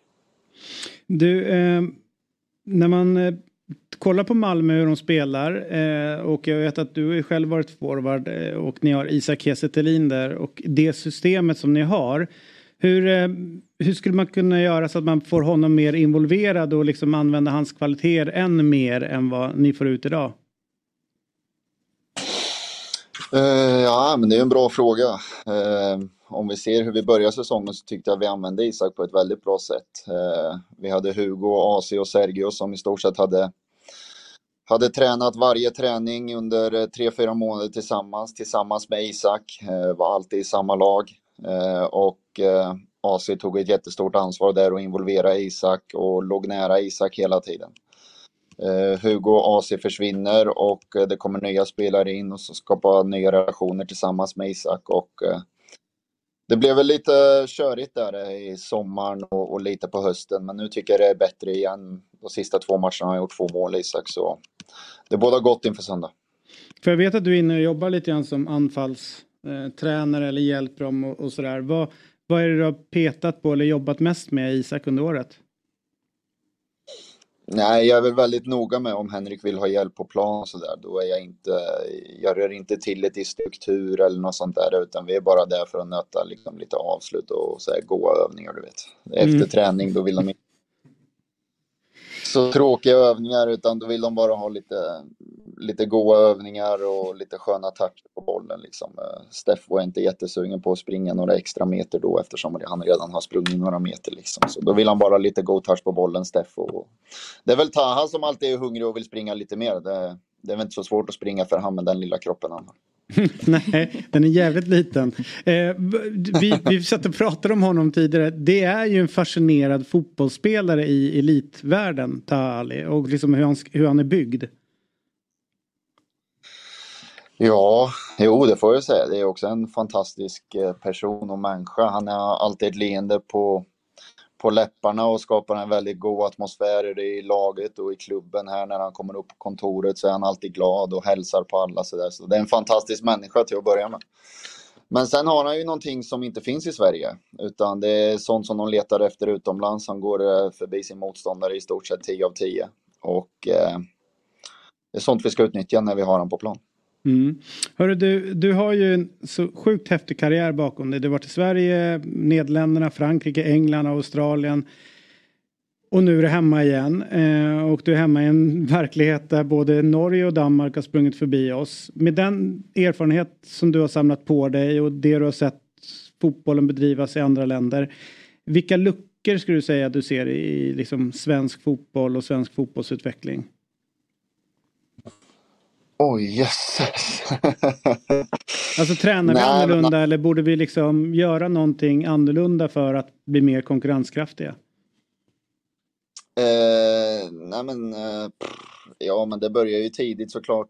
Tidigt. Bättre utbildade tränare, bättre träningsfaciliteter. Det är ju A och O. Eh, om du inte har bra träningsfaciliteter så, så finns det något annat lag eller land som har bättre faciliteter som kommer utbilda sina ungdomar på ett bättre sätt och det är ungdomarna som är nyckeln till att eh, svensk fotboll ska gå framåt. Eh, är konstgräs eh, rätt väg att gå? Eh, eller ska vi ha gräs? Eh, utbildar vi spelare på fel sätt? Spelar vi bollen för mycket på fötterna? Eh, Utbildar vi våra försvarsspelare på rätt sätt? Eh, det snackas mycket om bollinnehav, men eh, en försvarsspelares uppgift nummer ett är väl att försvara målet till exempel. Eh, Sådana grejer liksom som jag tycker att svensk fotboll kanske måste komma överens om. Men det är ju ganska intressant. Alltså Malmö är ju den enda klubben i Sverige som just eh, har skickat in en motion 2016 vet jag om att verka för att svensk elitfotboll ska verka för att förbjuda konstgräs i elitfotbollen och jag vet att det är en fråga som man ändå jobbar ganska mycket med. Eh, och jag tänker också när man kollar liksom Region Skåne och sådär att det, eh, Malmö har ju en akademi och väldigt många liksom, ja, med samarbetsklubbar runt omkring och man ser till liksom någonstans att man är den klubben i regionen som fångar upp talangen. Men ser du liksom någonstans en, en risk för att en del spelare kanske kommer lockas över sundet och eh, gå över liksom till, till Danmark ifall det är så att man är en lovande spelare som är, som är ung? Eh, jo, det risken finns alltid. Risken finns alltid, men eh, som när vi pratar med våra ungdomar så säger vi alltid att tryggheten finns här. Eh, även om det, bron inte är lång så är det fortfarande en helt annan eh, verklighet på andra sidan. Eh, och här har du tryggheten, här har du ofta din familj, här har du dina kompisar så det är bättre att välja tryggheten framför de här lilla extra 2, 3, 4 tusen kronor mer i månaden. Liksom. Eh, jag har en känsla av att vi, vi utvecklar spelarna på exakt eh, samma nivå som de gör över sundet. Eh, det är bara att eh, de rekryterar lite eh, mer aktivt eh, på andra sidan. Men hur ser ni också på så här, alltså någonstans, eh, truppstruktur och så? För det är klart det är väldigt lätt att imponeras över det Malmö gör år efter år och eh, i år så ser man också hur, hur starkt ni gick ut i våras och vann extremt många matcher och sådär och du förstår ju också att det finns ett tryck någonstans för från supporterhåll att Malmö ska vinna guld varje år och med de ekonomiska förutsättningarna och sådär. Eh, men man ser ju samtidigt att Malmö, Malmö har liksom en trupp som är något äldre i en allsvensk kontext eh, och att man kanske inte har gett så många unga chansen som man kanske skulle kunna ha gjort med tanke på att man har Sveriges bästa, en av Sveriges bästa akademier. Hur, hur ser du någonstans- på att ge de unga spelarna i Malmö, i Malmö chansen? Eh, nej, men alltså jag tycker att eh, eh, Hugo Larsson är väl ett eh, perfekt exempel. Han är en bärande spelare som i stort sett eh, på ett år gick från eh, U19-laget ända till eh, Eintracht Frankfurt. Så resan kan gå väldigt snabbt. Eh, Hugo Larsson, vi hade Samuel Kotto som gjorde allsvensk debut, vi hade Adrian Skogmar som gjorde allsvensk debut, vi hade Ellison Macaulay som gjorde, som gjorde allsvensk debut. Så eh, jag tycker vi släpper fram unga. Problemet är väl i Malmö att trycket är så hårt och förväntningarna är så hårt på att vinna saker så du måste också ha otroligt bra spelare i din centrallinje och eh, då måste du vara en exceptionell spelare för att kunna ta plats som en ung spelare i en centrallinje. Och det var väl Hugo, han var en exceptionell spelare och det visar han ju vecka in och vecka ut i Bundesliga. Så eh, det är väl fördelar och nackdelar va, med att vara en stor klubb och så ska man trycka fram unga talanger. Men eh, det är som jag säger till de unga spelarna, det är bara att gilla läget, träna hårdare, träna bättre och eh, se till att ha huvudet med dig. För motgångar kommer du komma igenom. Eller kommer du gå igenom, det är bara frågan för hur snabbt du tar dig upp. Det är lite intressant tycker jag. eh, Med, för det är lätt att eh, landa fakta i där att de har många äldre spelare. Men man kollar också det de har gjort. Kolla Sebastian Anasi och hans Mm. resa. Är i Malmö, lånas ut till Kalmar, har ett jättebra år, plockas hem och nu flyger fram. Och det är klart att han är i en ålder där de kommer kunna få ganska mycket pengar för. Så att de, de jobbar lite annorlunda men jag tycker de är väldigt duktiga i Malmö på att hitta utlåningar. Att ni, ni är duktiga på att hitta speltid för era största talanger och, och sen plocka hem dem. Och under många år har det sett ut så. så det, ja. Jo, men- jo, men vi känner väl, det är väl ingen idé heller att de är fyra, femma på sin på sin position då när de kan vara etta eller tvåa i någon annan allsvensk eh, klubb. Eh, Nanasi som du säger var ett superexempel. Eh, Hugo Bolin försökte vi också eh, få igång i Degerfors. Eh, Noah Eile ett eh, Mm. sånt exempel. Eh, Samuel Kotto som har gjort en fantastisk höst här med Landskrona Boys och ser en enorm utveckling på honom. Så nej, men det är väl någonting vi försöker jobba med, absolut. Som sagt, konkurrensen här är, är verkligen stentuff och då väljer vi också tillsammans med, med den spelaren då att eh, försöka få eh, sex månader och dominera i ett annat lag och sen komma hit och, och vara redo för att, för att spela i Malmö FF. Och Nanasi är faktiskt ett väldigt bra exempel. Jag kommer ihåg att jag var nere på Malmö IP när eh, ni mötte Värnamo i kuppen för ett och ett halvt år sedan. Eh, det var väldigt kallt. Men då kommer jag ihåg att man såg Nanasi någonstans slå igenom och, och göra ett mål då. Och sen blev han utlånad till Kalmar och blev liksom en bärande Mm. spelare där. Eh, så att eh, det, är- man såg redan då att det skulle bli en exceptionell spelare och jag tycker han verkligen är en av de bästa i Malmö i, i år. Mm, ja, verkligen. Du, eh, för ett år sedan ungefär eh, så gjorde du din sista match. Eh, Degerfors säkrade samtidigt kontraktet. Det var ju härliga scener eh, där nere då. Nu är det andra tider. Degerfors har trillat ur allsvenskan. Tränarparet Solberg och Holmberg får inte förlängt och en spelarflykt eventuellt då väntar. Sportchefen Patrik Werner har det verkligen inte lätt nu. Vad, vad tänker du om situationen i ditt kära Degerfors? Uh, nej, men det kommer bli tufft. Det kommer bli jättetufft. Uh, som ni alla vet, bygden lever ju för fotbollen och i stort sett varenda person uh, står ju bakom Degerfors IF. Förutom eh, kommunhuset Kommun, ja. Eh, så, eh, jag De vet extra faktiskt inte. Det är väl, eh, den stora pucken är väl att kommunen och Degerfors IF måste bli sams på något sätt. Mm. Eh, om de kan dra åt samma håll så tror jag inte resan i Superettan kommer bli så lång. Men om de kommer fortsätta och, och bråka och inte vara överens så eh, kan det tyvärr bli en, en lång resa. Nu ska inte jag vara sån men en gång i tiden så när eh, Ola spelade i Degerfors så vet jag att sportchefen i AIK verkligen ville ha honom men då hamnade han i Örgryte istället. Eh, så det hamnade där nere. Också tung säsong för ett, ett av era före detta lag. Eh, hur mycket följer Örgryte? Eh, nej, men det här året följde jag mycket eftersom eh, Jeffrey var tränare. Då, så vi har väldigt god, eh, god kontakt, jag och Jeffrey. Så, nej, men eh, i år följde jag dem eh, rätt intensivt. Eh, vi hade även två spelare där. så eh, Då blev det extra mycket fokus på Örgryte. Och de har ju fortfarande chansen än att, eh, att klara sig. Så ja, men det blir spännande. Mm. Så det är väl bara Malmö kvar utav svenska klubbar som har, har någonting att rädda upp den här säsongen. Och där lider man ju verkligen med, med Örgryte och de tog ju, alltså hade de inte vunnit i helgen så hade de ju verkligen varit alltså, illa ute Mm. så att eh, nu har de ändå chansen att i sista matchen försöka ja, men, eh, komma upp till kvalplats och, och göra skillnad där. Eh, och det är väldigt eh, synd också, jag tror att det var väldigt många som också trodde på Jeffrey när han kom in i klubben och väldigt många som trodde någonstans att ÖIS ändå skulle vara med och, och vara kanske på den övre halvan i år. Och sen har det ju gått väldigt, väldigt tungt och det, det är synd för att det är ett väldigt, väldigt klassiskt lag som också var med och tog fotbollen till, till Göteborg och därmed till Sverige så man hoppas ju verkligen att de Till Göteborg räcker den kom faktiskt till Göteborg först i Ja, ja, Sverige. Ni så brukar det- säga det. Ja. Genom Wilsonbåtarna kom Ah, engelsmännen och började ah, spela fotboll på heden. det, Men det är en fattar. annan historia. Ah, Det är- Helt annan historia. Ja. Ja. Men oavsett så, så är det ju ändå eh, med ett sånt klassiskt lag som ändå är ett av Sveriges första lag så, Mm. så hoppas man ju verkligen att de ändå klarar det superettan-kontraktet och sen också hittar någonting. Eh, ja men så får de på fötter igen. Mm. Du, eh, innan vi släpper dig då, guldmatchen till helgen. Hur är stämningen i föreningen?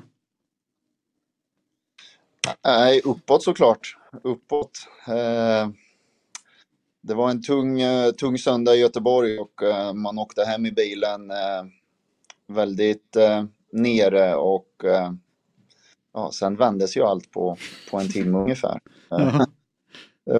Otroligt Här, härliga underligt. härliga Så- Degerfors. Hur var stämningen då? Ja. Nej, alltså det var... Jag åkte med Niklas, jag åkte med vdn hem och det var väldigt tyst och han sa att oj, du gjorde Degerfors mål. Och jag fortsatte att köra bilen och sa att det är en lång match Niklas. Sen sa han plötsligt att de gjorde 2-1 Degerfors. Jag bara, vad fan händer? Då blev man ju stressad och nervös och frågade hur länge det är kvar. Nej, 15 minuter sa han. Och, ja.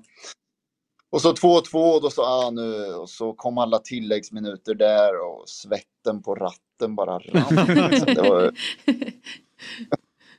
nej, det var obehagligt och sen skrek han att det var slut. Så nej, det var ju helt otroligt och så jävla fint av, av Degerfors liksom att lösa 2-2 då.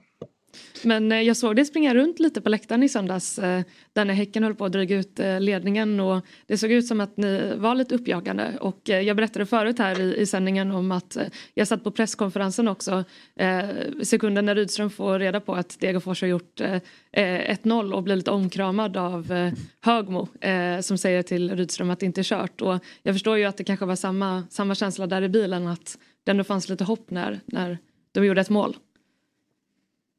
Uh, ja, 1-0 stressade jag inte upp mig så mycket för, för jag visste att det är en lång match liksom och sådär. Men uh, sen när det blev 2-1 och Niklas sa att det var 15 minuter kvar, då, då började till och med jag bli stressad. Uh, annars brukar jag inte vara så stressad, jag brukar vara rätt lugn och sånt. Men om du såg mig på Bravida så var det nog när de gjorde fel och då valde jag att uh, gå ner i omklädningsrummet. Röja lite, som man brukar säga. Ja. Men du, eh, det, det, är så roligt när ni sitter i bilen så var väl ni ganska omed, omedvetna om den galna upplösningen på matchen på Borås Arena också. För det var ju, det var ju svängdörrar deluxe. Det var ju frilägen och så man satt ju lite grann som neutral och ville ju ha den här finalmatchen. Men sen så plötsligt vill man, eh, sen vill man ju verkligen också personen då att Degerfors skulle göra mål. Mm. Så att inte mm. de skulle vara körda i sista. Så att det var ju det var, det var ju rafflande sista minuter. Mäktigt att sitta i en bil då och känna att det är lite jobbigt att inte se det. Men du, eh, hur mycket, hur mycket rycker det i benen att få gå in och lira? Det är ändå inte så jävla länge sedan du var du la av och en finalmatch, fullsatt eh, arena. Alltså det måste ju vara, eh, det måste ändå locka.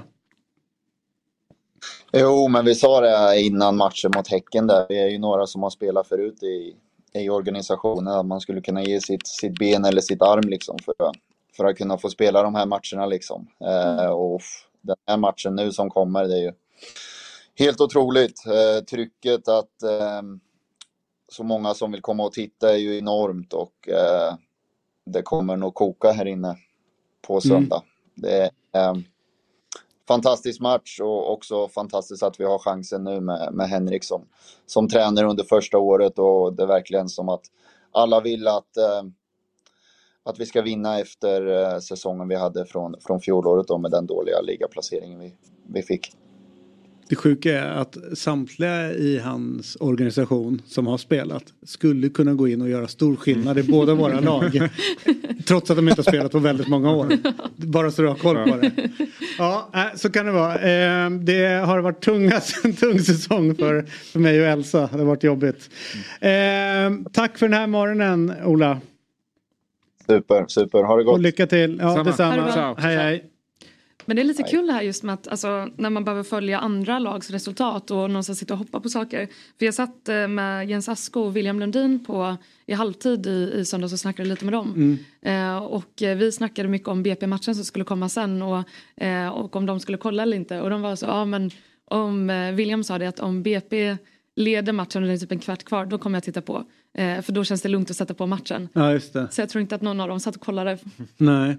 När BP ledde med 2-0. Det är roligt där, för jag kommer ihåg när man började jobba som Murvel också så sa alla så att du får inte ha ett favoritlag. Alltså det, det var försvårande. Mm. Men jag försökte säga till dem så att det är, det är ju en styrka därför att jag har full koll på alla motståndare. Mm. Alltså hur de har värvat, vilka de är, vad som är bra, vad som är dåligt och alltihopa. Mm. Så det är ju liksom, det är ju närhet. Det märker man bara, nu, jag och Myggan har ju, eh, eh, håller på lag som även håller på med andra sporter. Nu är inte Myggan inne i hockeyn så mycket men man märker ju så fort ens favoritlag lämnar en serie mm. hur mycket sämre koll mm. man har på mm. ja, men så här, Växjö och Linköping. Visst, man har ju lite koll men det är inte som innan när man så den backen eller den idén, de, där måste vi matcha laget mot dem. Alltså vet, man blir helt nördig i det. Mm. Så att det är ju viktigt att man har ett att följa eh, och rätt bra koll på alla andra. Liksom. Det är att man brinner för någonting och ja. man verkligen, eh, alltså man kan ju ägna timmar åt att eh, inför en match läsa svenska fans texter mm. och sitta och kolla och liksom lyssna och en sak som jag kan ladda upp med det är att lyssna på så här motstånd och supportras Poddar, eh, poddar, ja, Exakt, ja, en exakt. klassiker. Eh, innan match lite men framförallt efter, Efter, match ifall det är ja. så att vi har vunnit. Exakt. Då, då rattar man in och så sitter man där och Och då förstår du varför en av mina favoritpoddar den här säsongen är Hunden, katten, glassen. Den är ju aldrig så bra som de har torskat. För att de är ju, det är rätt roligt med, för det är ju ändå så här, fotbollsspelare då och så tänker man det ska bli ett annat perspektiv någonstans när de sätter sig och börjar podda. Mm. Men icke. Men icke. Alltså de kan ju inte vara fullt ut supportrar och de kan inte analysera en förlust på ett bra sätt. Mm. Framförallt inte Wernbloom.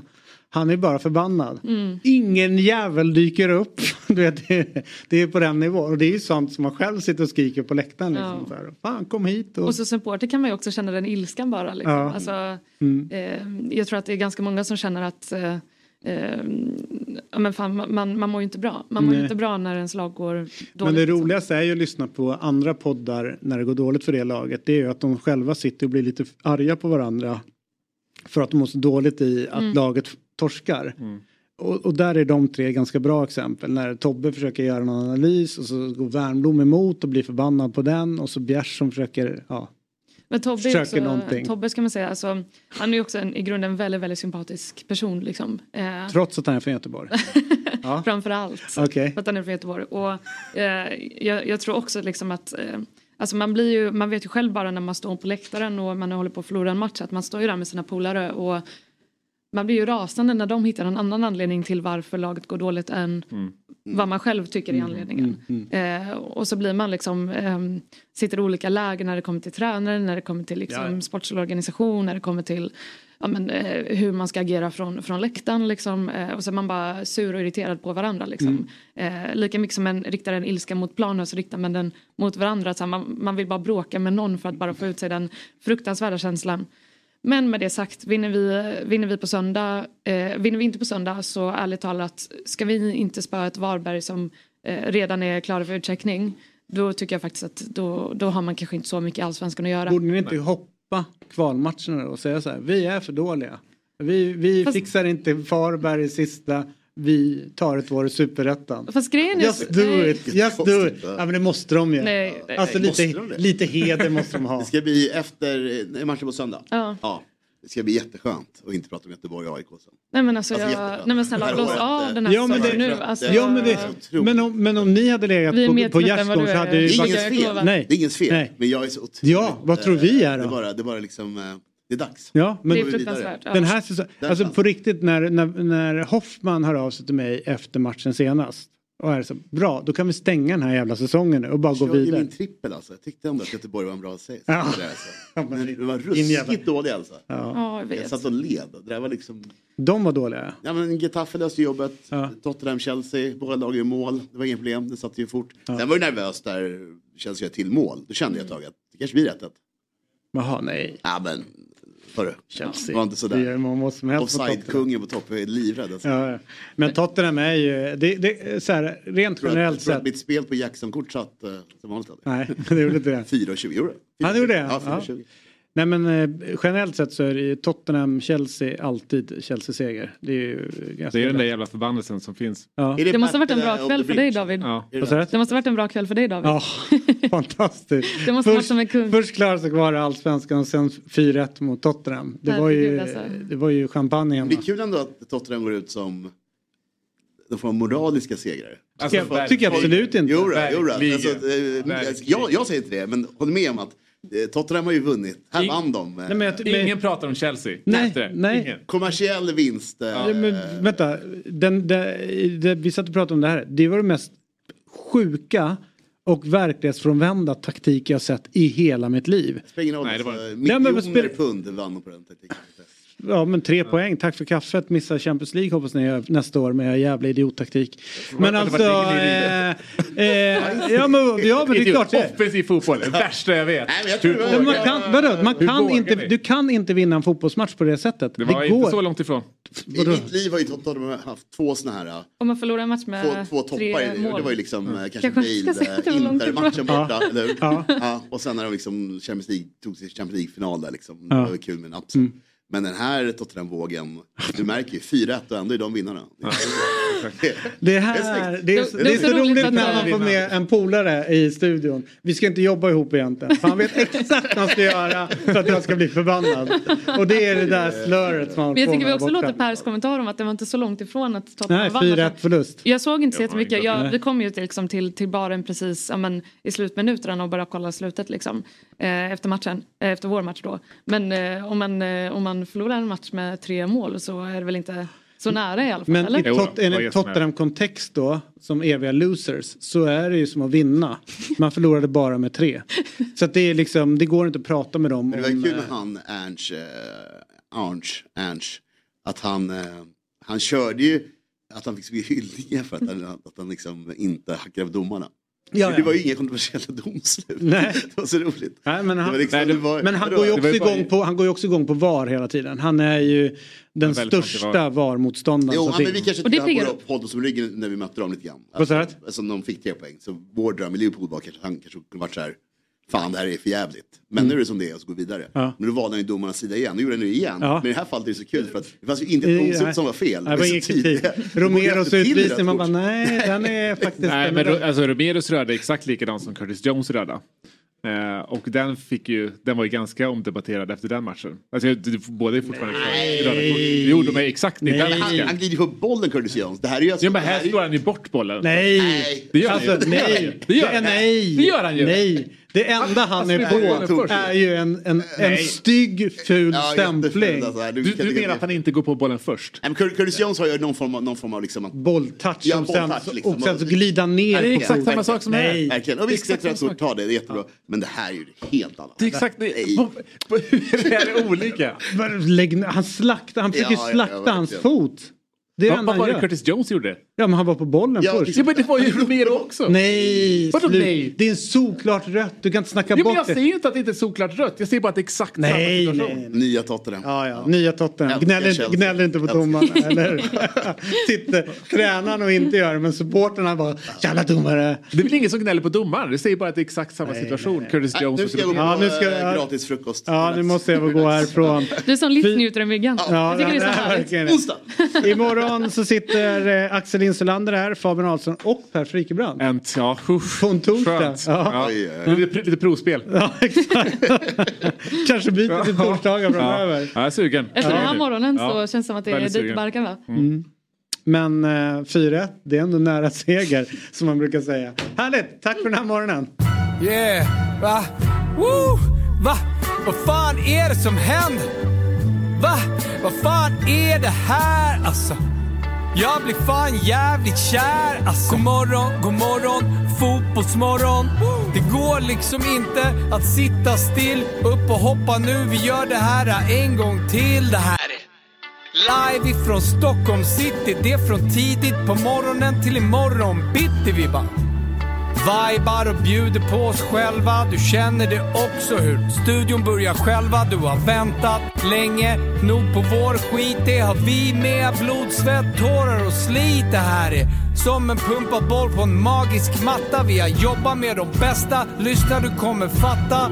Hata om du vill och var avundsjuk. Men det klär dig jävligt dåligt och då byts du ut. Yeah! Woo! Det här är Fotbollsmorgon. God morgon, god morgon, fotbollsmorgon. God morgon, god morgon, fotbollsmorgon. Woo! David, David, David. Det här är Fjällsgäng på dopp som drar upp rullgardinen. Yeah. Vi hatar plast men vi älskar gräs. Det här är smilet på pendeln. Det här är gemensamt boende. Det här är inte Insta, not the result we wanted. Det här är terapi och lösa kanoner på däck, yes.